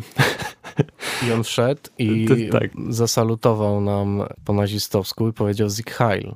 No, tak. Więc my siedzimy, patrzymy. Nas trochę zmroziło. Trochę nas zmroziło. On powiedział spokojnie, jestem po, po, potem, potem nam ze śmiechem wyjaśnił, że po prostu wiedział, kim jesteśmy i po co przyjechaliśmy. Jakby dla niego to było zabawne i on powiedział, że on może tak żartować bez Żydem. Cynik po prostu. Muszę przyznać, że tutaj jest dość wysoki poziom abstrakcji, pomimo tego, że właśnie siedzicie w jakimś e, mieszkaniu, które może zostać odstrzelane. Tutaj siedzą chłopaki, jeden jest Żydem, ale z drugiej strony wam salutuje. No muszę przyznać, że to są bardzo Ciekawe historie. A za chwilę schodzimy do piwnicy pod garażem i tam jest pracownia modelarska właśnie Iskry, który został zabity. Pracownia modelarska, w której przerabia granaty na pociski do dronów.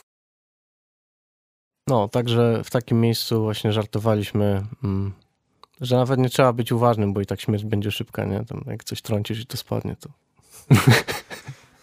poczujesz, nie, nie zdążysz mrugnąć nawet. No muszę przyznać, że to jest e, ciekawe, że właśnie widzimy to, że jest jakoś manipulowany ten reportaż, że nie pokazujemy tak naprawdę wszystkiego. Jest to trochę smutne, bo trzeba przyznać, że jeżeli ta grupa faktycznie ma duże osiągi i oni są bardzo pomocni, no bo jednak nie każdy ma odwagę wejść do takich okopów i zaryzykować walki jeden na jeden, a są oni pomijani, tak? Są takimi zapomnianymi bohaterami. Trochę smutne, a trochę potrzebne według mnie. To znaczy, Właśnie nasz e, przyjaciel z Ukrainy powiedział, że nie jesteśmy w stanie walczyć z dwoma wrogami naraz. A tych wrogów jest w Ukrainie wewnętrznie znacznie więcej. Można by wymienić przynajmniej kilka. Myślę, że jednym z największych jest korupcja, z którą Ukraina cały czas się zmaga. No, na przykład teraz słyszałem o jakimś żołnierzu, który ukradł y, kilkanaście ton y, oleju napędowego wojskowego. Nie? Także takie rzeczy dalej się zdarzają. Jest to kraj dziki do pewnego stopnia. Po prostu y, pewne standardy społeczeństwa naszego, czy jeszcze bardziej zachodniego, zupełnie tam nie obowiązują i jest kolesiostwo i oligarcha, i oligarchia wciąż. Także ja też rozumiem to, że o pewnych rzeczach teraz się nie powinno mówić, bo po prostu to może mocno Ukrainie zaszkodzić. Natomiast z drugiej strony jest to bardzo daleko posunięte, no bo nawet właśnie ja, ja mimo wszystko muszę przyznać, że mam pozytywne bardzo odczucia po wizycie u tych ludzi i uważam ich za skutecznych żołnierzy i że tacy powiedzmy ludzie skrajni, e, skrajnie prawicowi na przykład, są w tych warunkach wojennych e, wyjątkowo skuteczni, tak mi się wydaje, z tego co zobaczyłem. I można by na przykład opowiedzieć o tym w taki sposób, żeby trochę odczarować te środowiska. Tak samo jak ja y, jednak też y, no przyznam, że mi, mi moja prywatna opinia się trochę zmieniła na, na, i bardzo dużo przemyśleń mam do teraz. I można by użyć tej informacji, podać to właśnie w taki sposób jednoczący, a nie zupełnie pomijać i tak naprawdę pomijając to zwiększamy ten podział. Ja myślę, że trochę się zjeżyłem w ogóle, jak powiedziałeś o tym, że, że, że jest manipulacja jakaś. Nie powiedziałbym, że to jest manipulacja. Ja bym powiedział, że jakby nie ma sztywno wykrojonego obszaru, który nazywamy prawdą, nie? Każdy obserwator ma swoją część prawdy i jasne, są rzeczy, które są ewidentnie, ewidentne i czarno-białe, ale jest cała masa odcieni szarości i to nie do końca jest tak, że jakieś media są manipulowane. Moim zdaniem problem jest y, nieco inny i moim zdaniem to jest bardzo poważny problem, że media upraszczają. Obecnie bardzo wszyscy chcą dostać jasnego komunikatu. Oni są dobrzy, oni są źli. My jesteśmy tu, oni są tam i media za tym idą. Mają być krzykliwe tytuły i to wszystko ma być proste. Nikt nie chce dogłębnych analiz zniuansowanych, które pokazują jakby jak skomplikowana jest rzeczywistość, a ona jest piekielnie skomplikowana. No to jest moim zdaniem dużo większy problem niż, niż manipulacja, bo ja nie powiedziałbym, no, no tak, jest to manipulacja na tyle, na ile każde uproszczenie jest manipulacją. I to jest tak naprawdę problem dzisiejszych mediów i to nie tylko jeśli mówimy o wojnie. Po prostu ludzie, y, nasze pokolenia i młodsze, jesteśmy już wychowani w dobie smartfonów, jesteśmy wychowani w dobie przyswajania grafik, obrazków i nasz y, attention span, jak to się mówi, jest po prostu ograniczony, nie? To jest 40 parę sekund chyba. I takie artykuły pokazujące dogłębnie coś są zwykle pomijane przez większość ludzi, ale to nie zmienia faktu, że mm, ten dział dziennikarstwa ja uważam powinien zostać i ja na przykład widzę w tym wartość właśnie. Ok, dotrze to do może mniejszej ilości ludzi, ale ci ludzie, do których już to dotrze, to są ci ludzie, nie?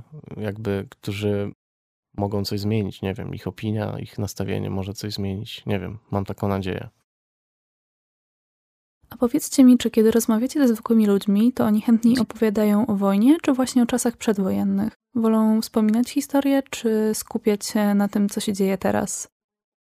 Zapewne naturalnie mogą chcieć opowiadać o tym, co się dzieje teraz, bo jest to dla nich stresujące, ale z drugiej strony może znajdują ukojenie, wspominając to, co działo się przed wojną, jak wyglądało ich normalne życie. No ja myślę, że to też wynika z, jakby z formy naszej rozmowy, że to nie są jednak swobodne pogaduszki, więc my, my jakoś tymi rozmowami kierujemy. I nie, nie, nie wskazałbym jakiejś jednoznacznej tendencji, czy, czy, czy w jedną, czy w drugą stronę to idzie. Ja myślę, że to zależy od indywidualnych preferencji danego rozmówcy. Wiadomo, że ludzie starsi chętniej, chętniej sięgają w przeszłość, ludzie młodsi mm, mam wrażenie, że są bardziej skupieni na tu i teraz. No, ale dużo, dużo zależy właśnie od tego, jak prowadzimy rozmowę, no a jednak skupiamy się na, na teraźniejszości, chyba że rzeczywiście ta przeszłość ma jakieś znaczenie dla, dla naszej historii, dla pogłębienia postaci. Z tego co rozumiem, wasze reportaże są trochę dłuższe, staracie się pokazać jak najwięcej, natomiast może być to nie do końca tak chętnie przyjmowane, jak newsy, które podawane są teraz w mediach. E, czyli krótkie i krzykliwe, które czytamy przez 30 sekund i dostajemy skondensowaną bombę informacyjną. A powiedzcie mi jeszcze, jak wygląda plan waszej rozmowy w takim razie? Jak wyglądają rozmowy, które wy przeprowadzacie? Czy macie jakieś konkretne pytania, które zadajecie? To nigdy nie są konkretne pytania. To bardziej po prostu próba takiego, nie wiem, no, ludzkiego dotarcia do drugiego człowieka, tak bym to nazwał. A oczywiście staramy się tym jakoś pokierować na tyle, na ile w ogóle potrafimy, na tyle, na ile mamy wyczucie. Czasami to wyczucie jest błędne, czasami zrobi się jakieś fopa i nawet popełni taki błąd, że później ta osoba nie chce rozmawiać. To są rzadkie sytuacje oczywiście, ale no, no jakby takie rzeczy też się zdarzają. Nie ma nigdy sztywnego planu. Po prostu trzeba, żeby coś otrzymać, też trzeba coś dać od siebie i ja myślę, że to jest podstawa i uśmiech po prostu. Uśmiech i szczerość. Mamy zawsze pewien zamysł, co chcemy pokazać, w sensie jaki urywek rzeczywistości. Na przykład właśnie jedziemy do Kupiańska, nie do żadnego innego miasta, tylko właśnie do Kupiańska. No i tam na miejscu staramy się zorientować, jak wygląda to życie w Kupiańsku. I też ja mam takie poczucie, że zawsze początek, pierwsze parę dni to jest taki trochę rekonesans, a potem już mi się w, w, głowie klaruje, jak ta historia powinna wyglądać, czego mi brakuje w tej historii, co bym chciał co bym chciał uzupełnić, y, czy na przykład y, jakie jeszcze pytania zadać, bo to też jest tak, że ta pierwsza rozmowa jest zawsze trochę ślizganiem się po powierzchni i ja bardzo lubię, jeżeli mamy taką możliwość, żeby się spotkać z daną osobą drugi raz. I to nawet jeżeli to pierwsze spotkanie trwało kwadrans, to ta druga rozmowa zawsze ma zupełnie inną jakość niż pierwsza rozmowa, bo w tej pierwszej rozmowie zawsze trzeba przebrnąć przez te wszystkie takie banały, truizmy, które każdy w small talku musi przepchnąć. No, no bo tak to po prostu wygląda. Nie ma w tym niczyich złych intencji, tak to po prostu wygląda. Kiedy spotykamy się drugi raz z, z tą osobą, no to ja zawsze widzę skok jakości, jeżeli chodzi o, o materiał, który dostajemy.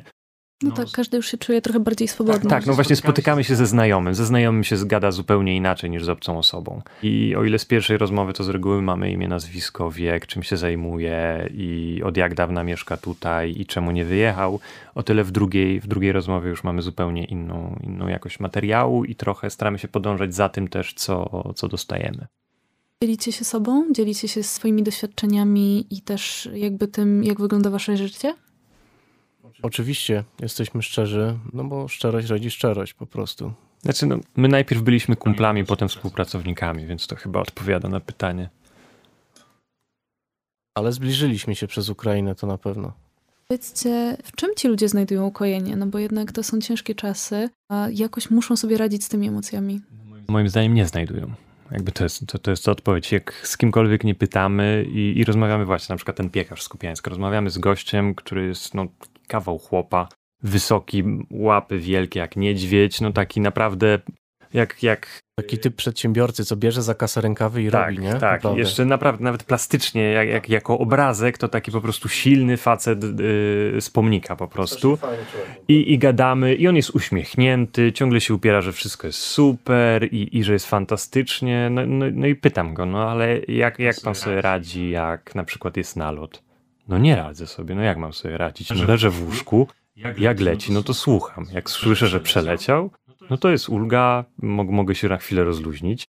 A jak jest, jest eksplozja, to od razu myślę, gdzie, dla komu tam spadło i tak dalej, nie? Ale jakby większość ludzi mówi, mówi to samo, no, że tego się nie da nawyknąć. I właśnie to jest trochę a propos tego, o czym rozmawialiśmy na początku rozmowy, tego naszego dążenia do komfortu. No, no nie, no jest wojna, ludzie wokół ciebie giną, tracą domy, dobytki całego życia, tracą rodziny no nie znajdujesz ukojenia. Ta normalizacja, o której się mówi, przebiega bardziej na y, poziomie ignorowania pewnych rzeczy i starania się spychania, y, po prostu nie, zwracania uwagi, spychania do podświadomości, ale to na dłuższą metę wiadomo, jakby to ci, każdy z tych ludzi mm, nosi coś w sobie po prostu, głębiej lub płycej i nawet y, jeśli ktoś mówi, że jest dobrze, większość ludzi tak powie, tak naprawdę. Myślę, że nie powinniśmy się też na tym zatrzymywać. No staramy się na tym nie zatrzymywać, po prostu tylko jakby bardziej no głębiej porozmawiać, no ale jak się czujesz, słuchaj, no ale jak sobie radzisz z tym? I czasami dopiero właśnie w tej bezpośredniej konfrontacji ktoś się tak otworzy i to są takie momenty, że nie no jest dobrze, przecież dalej żyję, no przecież dalej mam dom, ale jak, ale jak sobie radzisz? Jak leci pocisk, jak słyszysz, że coś nadlatuje, no to wtedy się strasznie boję wtedy nie wiem, co zrobić. Ale jak on przeleci, to jest dobrze. No i właśnie to są. E, to, to jest już. E, ja też nie, nie jestem na tyle kompetentny z psychologii, żeby się wypowiadać, ale to jest po prostu ignorowanie pewnych e, aspektów rzeczywistości bardzo, bardzo poważnych i strasznych w gruncie rzeczy, bo nie, nie ma na to tak na dobrą sprawę wytłumaczenia, ani nie ma lekarstwa. No jeśli ci ludzie będą mówić, że jest strasznie źle, to będzie im jeszcze gorzej, a to doprowadzi do jakiegoś załamania psychicznego. Różne są bardzo metody radzenia sobie z tym. No, ta, ta normalizacja przebiega na różne sposoby, ale to nie oznacza, że ci ludzie potrafią zupełnie zignorować ten fakt i że to nie ma na nich wpływu. To ma bardzo duży wpływ. No tak, oczywiście, przecież to jest zagrożenie naszego najważniejszego dobra naszego życia. My może tutaj, kiedy żyjemy we Wrocławiu, kiedy się zestresujemy, pójdziemy może na jogę, czy przejść się do parku i, i to pozwoli nam się uspokoić. Natomiast ci ludzie no, nie pójdą na jogę, a może wyjdą gdzieś przejść się do lasu, żeby troszeczkę odreagować, no ale no właśnie, to nigdy nie wiesz, gdzie czeka na ciebie to niebezpieczeństwo. To jest trochę, trochę tak jak e, My możemy sobie iść na jogę i tam znaleźć ukojenie, bo nie wiem, szef nas w pracy skrzyczał. Ale no, twarde fakty są takie, że dla nich ukojeniem będą rakiety dalekiego zasięgu. To im przyniesie ukojenie. Kiedy naprawdę wiedzie tam sprzęt, który pozwoli odsunąć front od ich domów i na ich domy przestaną, jakby, jeżeli zagrożenie zniknie, to wtedy przyjdzie ukojenie. I tak jak właśnie PTSD, nie? PTSD nie bierze się z tego, że ktoś przeżył coś stresującego tylko bierze się stąd, że ktoś przeżył coś stresującego i nie, nie, nie miał dla tego ujścia w czasie. W sensie tłumił to w sobie, im dłużej to tłumi w sobie, tym potem głębszy problem z PTSD. I, I, to samo jest z żołnierzami. Dlatego oni mają PTSD. Nie dlatego, że przeżyli coś stresującego. Dlatego, że byli w bardzo głębokim stresie, byli przerażeni a musieli sobie to schować w kieszeń, wziąć karabin i wykonywać polecenia swojego zwierzchnika i de facto pracować, nie? Wykonywać pracę. To, to jest jakby dla nas nie do pojęcia, to jest rzemiosło. Ja spotkałem jadąc do Słowiańska w pociągu no wiadomo, te sypialne pociągi ukraińskie, no i był ze mną taki, no gość, myślę, że w moim wieku, może trochę starszy, chyba on miał 36 lat. młody, wesoły gość. No i tam gdzieś zaczęliśmy gadać, on trochę mówił po angielsku, ja, ja trochę rozumiem po ukraińsku, yy, wiadomo, więc zaczęliśmy trochę rozmawiać. No i po 10 minutach rozmowy się okazało, że ten pogodny młody człowiek właśnie jedzie na front, bo miał dwa tygodnie przerwy. Na co ja się trochę zdziwiłem, że jak, jak to mieć przerwę, no bo słyszałem, że jakby frontowi żołnierze w ogóle nie mają zmian. To też jest rzecz, o której mało kto wie, że ukraińscy żołnierze na froncie nie mają urlopów. No co, nie, nie, to nie był urlop, tylko, tylko no ranny był, także, także miał chwilę przerwy, bo był ranny. O, byłeś ranny. No, no tak, no nie pierwsze, nie ostatnie. No i pokazał mi swoje nogi. No i jakby no nie zrobiłem zdjęcia, bo było mi głupio zrobić zdjęcie, ale miał całe pokiereszowane nogi, w sensie cały był w bliznach. I właśnie powiedział, że on był już sześć razy ranny. Jest na froncie od chyba dwóch lat tam właśnie w Donbasie, no już był sześć razy ranny. No ja go pytam, no jakby jak, nie? Jak ty sobie z tym radzisz? W sensie rozumiem, iść do wojska, bronić ojczyzny, ale myślę, że jakbym został ranny, jakby to się stało namacalne, to drugi raz byłby dla mnie, jakby powrót za drugim razem byłby dla mnie trudny. On wraca za szóstym razem, jakby jest. No, moim zdaniem to wygląda tak, że jest pewna pula farta, którą wykorzystujesz, aż w końcu umierasz. To nie jest tak, że są ludzie, którzy tam jadą i nie umierają, to jest tylko kwestia czasu, nie? I no jak już sześć razy ci się udało, no to ja bym miał takie jednak z tyłu głowy, że siódmy raz może się nie udać. A jakby on totalnie jakby, nie no co, nie no to jest praca, nie? Ja wracam do pracy, byłem na L4, wracam do pracy, to jest rzemiosło i właśnie wracam wykonywać swoją pracę. Wydaje ci się, że to jest właśnie, że to była taka forma wyparcia, tak, że... Tak, tak, tak, tak, no właśnie, właśnie a propos tego o tym mówię, nie? Że jakby to jest straszne, ale jego nikt nie pyta, co on czuje, nie? No tak, oczywiście, ale czasami są ludzie, którzy właśnie przewyższą u nich ten poziom adrenaliny, tej potrzeby znajdowania się w miejscu ryzyka, albo czasami są osoby, które są bardzo młode i naiwne i jeszcze mają to poczucie, że mi się jeszcze nic nie stanie, jestem za młody, ale skoro mówisz, że to była kwestia wyparcia, no to... Te... To znaczy, no, no właśnie, dobrze, że to powiedzieć, to jest kwestia naiwności, nie? Jakby kuloodporni jesteśmy do, do, pierwszego, do pierwszej rany, nie? I ja uważam, że właśnie tak to wygląda, że ludzie, którzy właśnie adrenalinka i fajnie, to są ludzie, którzy nie rozumieją, w jakich są warunkach. I to jest często problem właśnie wolontariuszy zagranicznych, że oni nie do końca rozumieją, że, że to nie jest gra komputerowa, nie? I to się weryfikuje, kiedy ktoś ginie na przykład, albo ktoś zostaje ranny.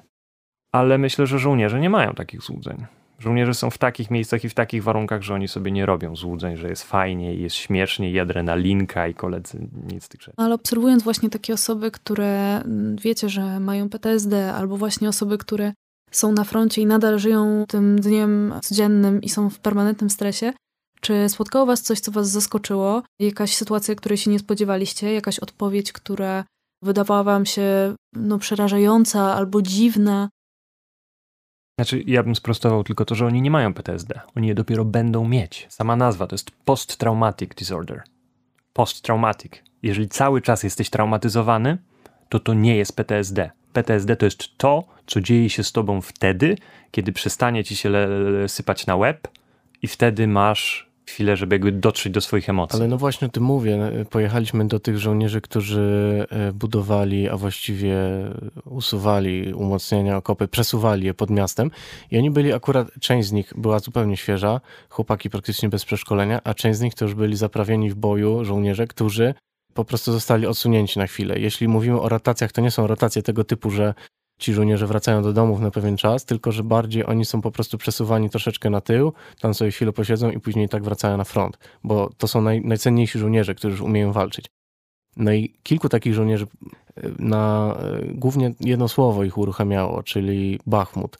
Uruchamiało, co to znaczy? To znaczy po usłyszeniu tego słowa jakby no, dochodziliśmy w rozmowie na przykład do tego, gdzie walczyłeś. No i mówili, że właśnie pod Bachmutem, albo to my pytaliśmy, tak, słyszeliśmy, że walczyłeś pod Bachmutem. I ten człowiek na dźwięk tego słowa, bądź nawet gdy je sam wypowiedział, to chyba trzy, trzy takie mieliśmy przypadki, po prostu w różny sposób ci ludzie się składali. Albo ktoś y, nagle jakoś tak, nie wiem, no po prostu zgiął się w pół, chwycił się za głowę i dosłownie to trwało 30 sekund i on wrócił później powiedział już i kontynuował z nami rozmowę. Albo ktoś zaczynał płakać, albo po prostu coś dziwnego się z nim działo, coś takiego nienormalnego. No i tak, masz, masz, rację, Amadeusz, że to widać dopiero u ludzi, którzy faktycznie już nie są w tym, czynniku, w tym czynniku stresującym, tylko się usunęli od tego, ale ci, ci goście znowu wrócą na ten front, nie? I na tym, co już mają teraz, nabudują się kolejne rzeczy. Tak, tu się zgadzam, że to były klasyczne właśnie takie przypadki PTSD. Bo też rzecz, którą warto powiedzieć, nie? O, tej, o tym, że wojna właśnie wciąga ludzi. I to, co mówiliśmy też o wolontariuszach, o poczuciu bezpieczeństwa. No i właśnie, mm, zadawałeś tam pytanie, jakby na, na jaki poziom niebezpieczeństwa możemy się zdecydować, nie? Tylko jak ocenić, co jest bezpieczne, a co nie jest bezpieczne? We Wrocławiu niebezpieczne jest coś zupełnie innego niż w Słowiańsku. W Słowiańsku niebezpieczne jest coś zupełnie innego niż w Kupiańsku na przykład, nie?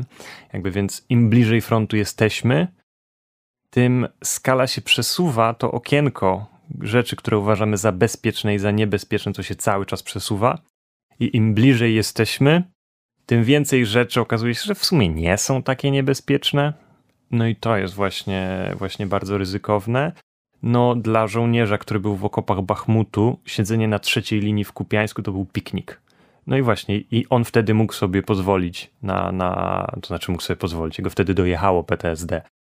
Ludzie, którzy kilometr dalej mieszkali cywile, oni byli, oni, no właśnie w Kupiańsku, ci, ci państwo na przykład, którzy, którzy po prostu nie, nie trzymali moczu mimo silnych leków uspokajających, oni jakby wyjechali do Kijowa, to poczuliby się bezpiecznie i wtedy pewnie zaczęliby się z tym borykać. Dla niego, mimo że on był bardziej zagrożony niż oni de facto w tym Kupiańsku, dla niego to, była, to był piknik nie? w porównaniu z okopami Bachmutu i właśnie wszystko jest w porównaniu. I to jest, myślę, bardzo duże ryzyko dla żołnierzy, dla wolontariuszy, dla wszystkich ludzi, którzy jakoś tam są związani z wojną, że no właśnie, bezpiecznie to jest, jak się tam jedzie, to jeżeli mamy szansę jedną na sto, to jest bezpiecznie, a po roku na froncie pół na pół to jest bezpiecznie. I to jest też, e, to rodzi właśnie taki, taki cynizm też e, może swego rodzaju, a może to nie do końca dobre słowo, czy, czy po prostu odcina trochę tych ludzi od rzeczywistości. Na przykład trzeba bardzo uważać, e, jeżdżąc gdzieś w okolicach frontu, na to jak żołnierzy, jak żołnierze prowadzą pojazdy, bo to jest zupełnie, oni, oni już generalnie ma się takie wrażenie, jadąc, e, będąc uczestnikiem ruchu w tych okolicach drogowego, że ci ludzie się pożegnali już ze swoim życiem, że im już jest wszystko jedno, bo im jest wszystko jedno. To znaczy dla nich, e, nie wiem, jazda samochodem w jakichś po prostu już absurdalnych e, prędkościach, w absurdalnych warunkach, e, to, to nie jest miejsce, gdzie oni zginą, nie? jakby w ich mniemaniu. I właśnie myślę, że to są często też momenty, gdzie ta bagatelizacja właśnie prowadzi do zguby. No właśnie, tylko ja nie jestem pewien, czy to jest tak, że oni się pożegnali. Ja myślę, że w ich ocenie ich jazda nie jest ryzykowna że to, co oni robią, nie jest niebezpieczne. Znaczy, pożegnali, to właściwie tak, to może nie jest do końca słuszne określenie. Bardziej im już tak dalece przesunął, przesunęło się to okienko, o którym mówiłeś, ten, ten, ten, ten poziom bezpieczeństwa, że jakby w ogóle w ich logice i w ich spojrzeniu na w ocenie sytuacji, na przykład tego typu jazda zupełnie nie jest. Wymijanie na trzeciego jakoś na, na, na szpilki przy 140 na godzinach, to jest normalne, to nie jest ryzykowne, bo ryzykowne to jest jak strzelają do ciebie z karabinu maszynowego i musisz się schować, nie? No to jest ryzyko. No powiedzcie mi jeszcze chłopaki, jak wy radzicie sobie z emocjami? No bo jednak no, oglądacie się strasznych widoków, ludzi, którzy są straumatyzowani, którzy tak naprawdę no na razie nie mają nadziei na poprawę. Jak wy sobie w trakcie i też po powrocie z takiej pomocy humanitarnej radzicie z emocjami?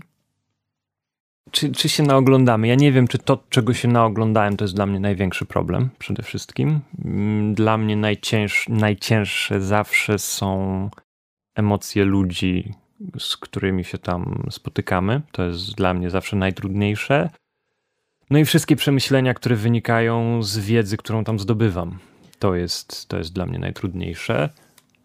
Poczucie bezsilności i beznadziejności, ja bym powiedział, jest najtrudniejsze. To znaczy, jedziesz tam i tak naprawdę chcesz coś zrobić, coś tam pomożesz i nawet może trochę się z tym fajnie poczujesz, ale później widzisz ludzi w Twoim wieku, czy młodszych, czy starszych oczywiście, ale najbardziej do mnie chyba trafiają gdzieś tam moi rówieśnicy i ogólnie ludzie młodzi, takie za każdym razem właśnie rozmawiając z kimś, widząc y, jak bardzo załamał się życiorys tej osoby, po prostu no ja dochodzi do mnie, jak bardzo przejechane ci ludzie mają i jak bardzo, jak głęboko ich życia zostały po prostu przeorane tą wojną i że to jest e, pokolenie, które nigdy nie będzie miało już normalnego życia na przykład i straciło w ogóle pewien etap, jaki my mieliśmy.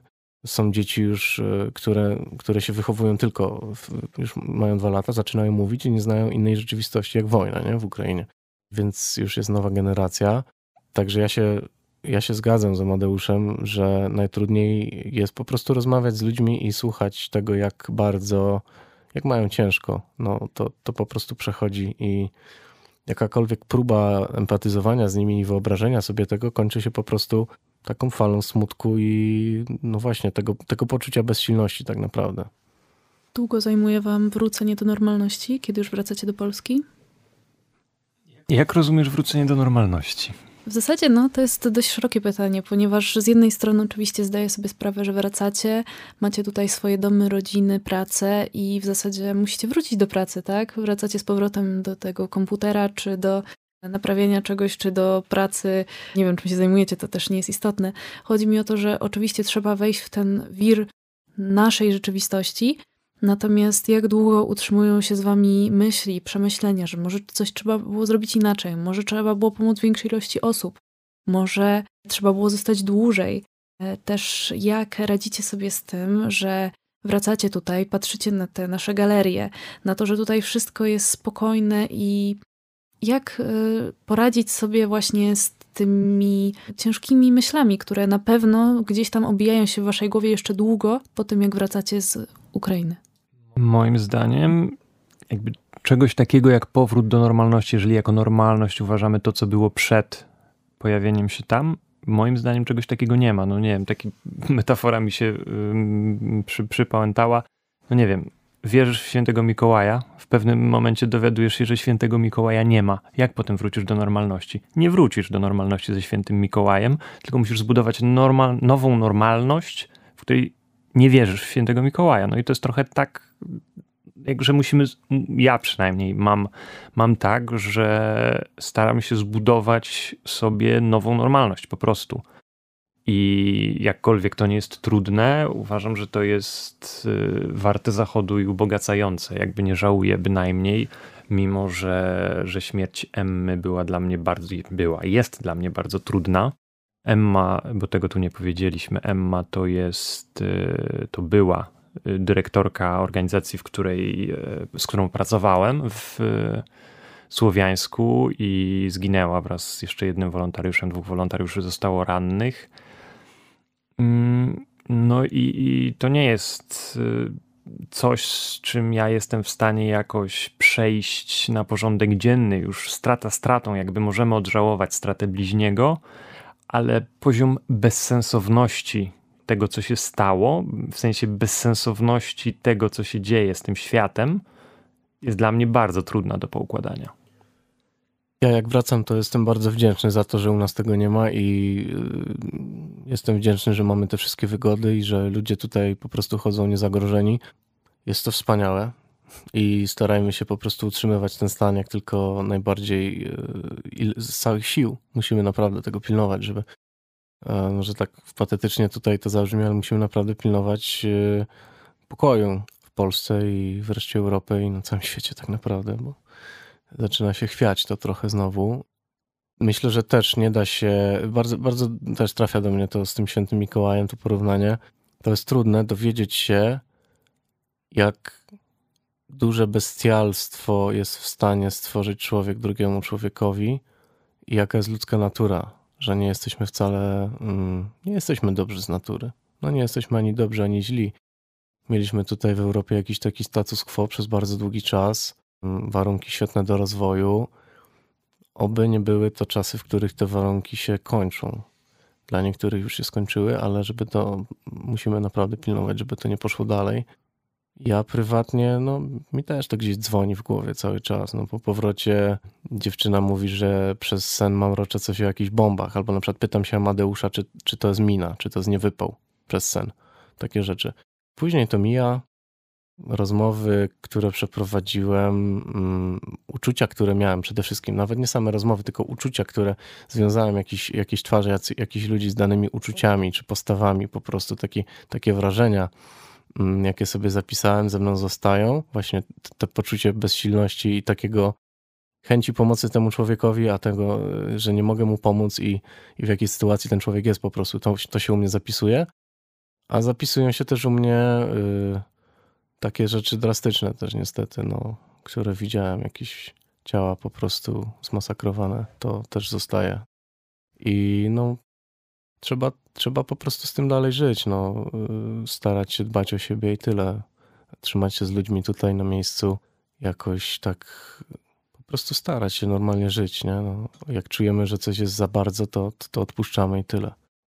Tak, ja, ja też pamiętam jak z mojego pierwszego wyjazdu, jak pojechaliśmy i to wtedy naprawdę byliśmy w takim lekkim miejscu, yy, bo wtedy byliśmy gdzieś w okolicach Kijowa chyba, nie pamiętam, Białej Cerkwi, w Białej Cerkwi wtedy byliśmy, wtedy jeszcze wojska też były bliżej Kijowa rosyjskie no i pamiętam, jak wróciłem, jak wjechaliśmy do Wrocławia, miałem takie naprawdę, byłem już mocno zmęczony, bo tam kilkanaście godzin za kółkiem, ale wjechałem do Wrocławia, była piękna pogoda, ludzie sobie spacerują po ulicach i miałem takie naprawdę dojmujące poczucie, że Jezu, jakie piękne miasta. Ja naprawdę już nie cierpię Wrocławia. Po tych kilkunastu latach mieszkania tutaj jestem bardzo zmęczony, wyniosłem się na wieś.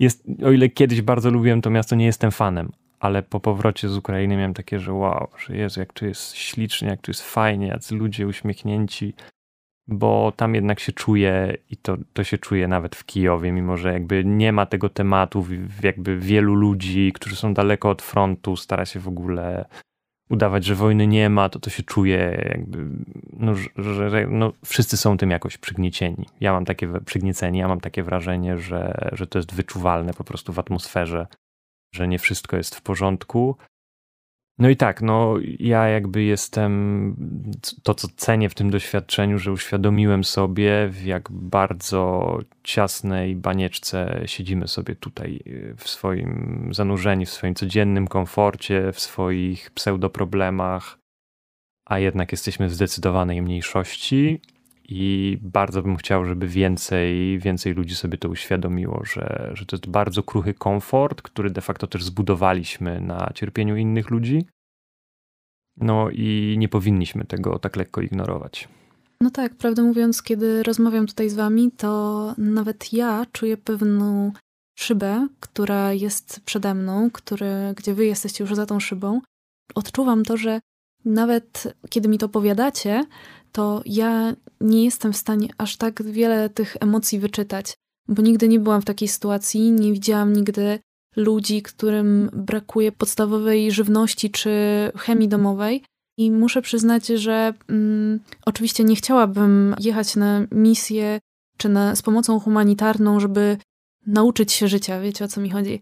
Natomiast czuję, że przez to, że ja czytam tylko o Ukrainie w gazetach, może zobaczę jakieś drastyczne zdjęcia, to nie jest to samo. To nie jest to, to uczucie, które rodzi się, kiedy jesteś tam, kiedy czujesz ten lęk, kiedy czujesz lęk tych ludzi, który po prostu z nich wypływa.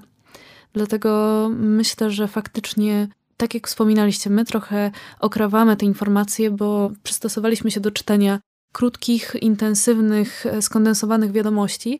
Natomiast wydaje mi się, że właśnie taka, takie długie opowieści, które będą nam pozwalały wgryźć się po prostu w uczucia tych e, ludzi, którzy tam są, są potrzebne. Bo dopiero jak zaczęliśmy rozmawiać głębiej na ten temat, to zaczęłam odczuwać właśnie te emocje, które z tego płyną, te emocje tego strachu, który może nie pojawi się tak szybko po tym, jak przeczytamy jednominutowy artykuł na necie, czy jak zobaczymy jedno przerażające zdjęcie. Oczywiście ono nas poruszy, ale ono poruszy nas na chwilę i przejdziemy do następnego tematu, który gdzieś tam pojawia się dalej na naszym portalu informacyjnym wtedy jest taka abstrakcja niepowiązana z żadnym miejscem, z żadną twarzą. To po prostu gdzieś się dzieje. A w momencie, jak zdamy sobie sprawę, że to jest jeden dzień jazdy, 1800 km stąd jest front i jesteśmy w stanie tam dojechać w ciągu 20 godzin, powiedzmy, optyka się zmienia. I nagle okazuje się, że to jest, hej, to jest bardzo blisko. Ludzie, którzy tam są i się z tym zmagają, to są tacy ludzie jak my. I że właściwie to to, że tego tutaj jeszcze nie ma, to jest y, pewien sukces, myślę też, y, no, mimo wszystko Polski i jej polityki i dziejów po prostu naszego kraju, tego jak nim kierowaliśmy. No, ja właśnie myślę, że doszliśmy do ściany jako społeczeństwo z takimi fast foodowymi mediami, które de facto tylko nas traumatyzują. To, to, to o czym rozmawialiśmy na, na początku, że większość z nas już nie jest w stanie przyswajać tego więcej. Bo lecieliśmy z coraz silniejszymi przekazami, coraz bardziej skandalicznymi zdjęciami, i dzisiaj się publikuje zdjęcia, których 20 lat temu by się nie opublikowało w prasie. I to się wszystko, wszystkie te informacje, wszystkie te treści były coraz mocniejsze, coraz mocniejsze, aż doszliśmy do momentu, kiedy właśnie te, już jesteśmy tak zobojętnieni na ten przekaz, że on nic nie zmienia w naszych głowach i tylko nas traumatyzuje na takim bardzo głębokim poziomie emocjonalnym, tak że nie jesteśmy w stanie tego dłużej oglądać i nic z tego nie wynika.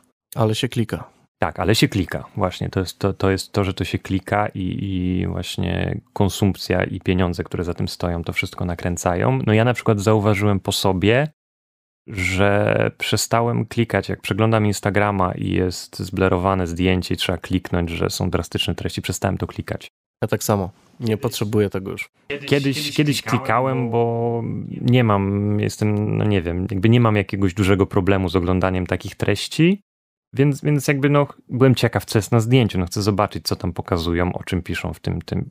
Przestało mnie to zupełnie ciekawić, bo ja wiem, co ja tam zobaczę. Ja to widziałem na żywo i nie widzę sensu, żeby się wystawiać, na, na, żeby eksponować się na takie, na takie bodźce. Wojny i fronty są zawsze powtarzalne i ludzie giną tam w podobny sposób. Zmienia się tylko doskonałość broni tam używanej, a Właśnie ja uważam, tak jak już mówiłem, że ta prawdziwa wartość leży w takim dogłębnym opowiedzeniu o tym, jak ci ludzie się tam czują i właściwie jak oni sobie radzą z tym. To właśnie takie, takie życie codzienne, nie? Mm, to ta, ta proza życia tutaj nam najwięcej mówi i najwięcej pozwala się wczuć. I to jest coś na przykład, co uważam, że nie jest powtarzalnego. Jest zawsze wyjątkowe i nieoczywiste sposoby radzenia sobie z tym i każda wojna się różni od siebie. E, właśnie pod tym względem, jak, jak ludzie sobie z nią radzą, bo, bo śmierć jest zawsze taka sama, nie? a przynajmniej zbliżona. No, różnią się techniki jej zadawania, ale, ale efekt jest ten sam, ale, a sposoby radzenia sobie e, ludzi niewalczących na frontach są zawsze różne i, i tak naprawdę ci ludzie zawsze naj, najbardziej cierpią. Tak, tym bardziej, że moim zdaniem to jest wielka luka w naszej, nie wiem, strefie publicznej, w naszej kulturze. Jak robimy filmy o wojnie, no to z reguły są właśnie filmy o żołnierzach biegających po okopach. No, no i później trafiamy na jakieś, na jakieś prawicowe posty, że zaraz, zaraz, tam jest wojna, tu proszę, kamerka z Kijowa, kafejki otwarte i tam jest wszystko normalnie. Czemu my mamy pomagać Ukrainie? No, a jak ma być, nie? Jak ma być tysiąc kilometrów od, od frontu, nie? Kijów musi działać normalnie, musi generować jakikolwiek dochód dla tego państwa, żeby oni mieli cokolwiek, żeby byli w stanie prowadzić tą wojnę. Właśnie moim zdaniem to warto pokazać dlatego, że nikt z nas, przynajmniej większość z nas, nie uświadamia sobie, nie uświadamia sobie tego, jak wygląda wojna w życiu codziennym. Jak wojna wygląda dla zdecydowanej większości społeczeństwa, pamiętajmy, że żołnierze to jest w skali całej Ukrainy, siły zbrojne Ukrainy to jest garstka ludzi. Myślę, że właśnie to, co teraz powiedzieliście, jest takim fantastycznym podsumowaniem naszego pierwszego pytania, czyli właśnie po co dalej mówić o tej Ukrainie, o tym, co tam się dzieje. I ja jestem Wam bardzo wdzięczna za to, że podzieliście się ze sobą tymi doświadczeniami, bo tak jak mówię, wydaje mi się, że dopiero w połowie rozmowy zaczęłam odczuwać, jakie tak naprawdę pojawiają się te emocje, że te chwilowe skoki adrenaliny, które się pojawiają, kiedy mówicie o tym, że ktoś umarł, że kto, kogoś postrzelono, one są tylko chwilowe i, i szybko ulotne. Natomiast kiedy zaczynamy już, zaczęliśmy rozmawiać o, o tym, jak wyglądają życie tych ludzi w małych miasteczkach, że oni żyją w tym permanentnym stresie, dopiero ja zaczęłam um, tak dogłębnie empatyzować z tym. Dlatego bardzo Wam dziękuję. Dziękuję Wam w ogóle za wywiad i za to, że chcieliście tutaj przyjść. I mam nadzieję, że jeżeli postanowicie jechać z kolejną pomocą, to że będziecie bezpieczni i że wszystko będzie po Waszej myśli. Bardzo dziękujemy za zaproszenie i za możliwość opowiedzenia o tym. No cóż, bądźmy silni, trzymajmy się wszyscy razem i tym Ukraińcom również, którzy są w Polsce, nie zapominajmy, że nie każdy się do wojny nadaje i nie każdy czuje się na siłach na przykład psychicznych w tej wojnie uczestniczyć i że Polacy, gdyby coś tutaj się stało podobnego, również wykazywaliby podobne postawy, czyli każde możliwe postawy tak naprawdę wystąpią w społeczeństwie wystarczająco dużym. Ludzie, którzy nie będą chcieli brać udziału w wojnie, bo nie czują się na siłach, bądź są po prostu pacyfistami, też tam będą. I tak naprawdę walka jest też o to, żeby w ogóle ci ludzie mogli istnieć. Więc yy, nie zapominajmy o Ukrainie, yy, bądźmy z nimi chociaż mentalnie i jakkolwiek wspierajmy ich, jeśli możemy. Dziękuję bardzo. No ja jednak apeluję, żebyśmy byli nie tylko mentalnie, bo jakby mentalne wsparcie jest ważne, ale tak jak mówiłem, to co przyniesie ulgę tym ludziom na froncie, to, to jest uzbrojenie, które sprawi, że oni będą bezpieczni. Tak, to też inna sprawa, ten paradoks, e, że chcąc, też wierzę już, że chcąc ograniczyć e, tą wojnę i ją skrócić, paradoksalnie potrzeba po prostu znacznie więcej broni. Tak, bo proszek do prania możemy tam wozić przez kolejne 30 lat i to nie zmieni sytuacji. I mówię też to jako pacyfista zadeklarowany. Tak, także dziękujemy bardzo. Dzięki bardzo za zaproszenie. Dziękuję.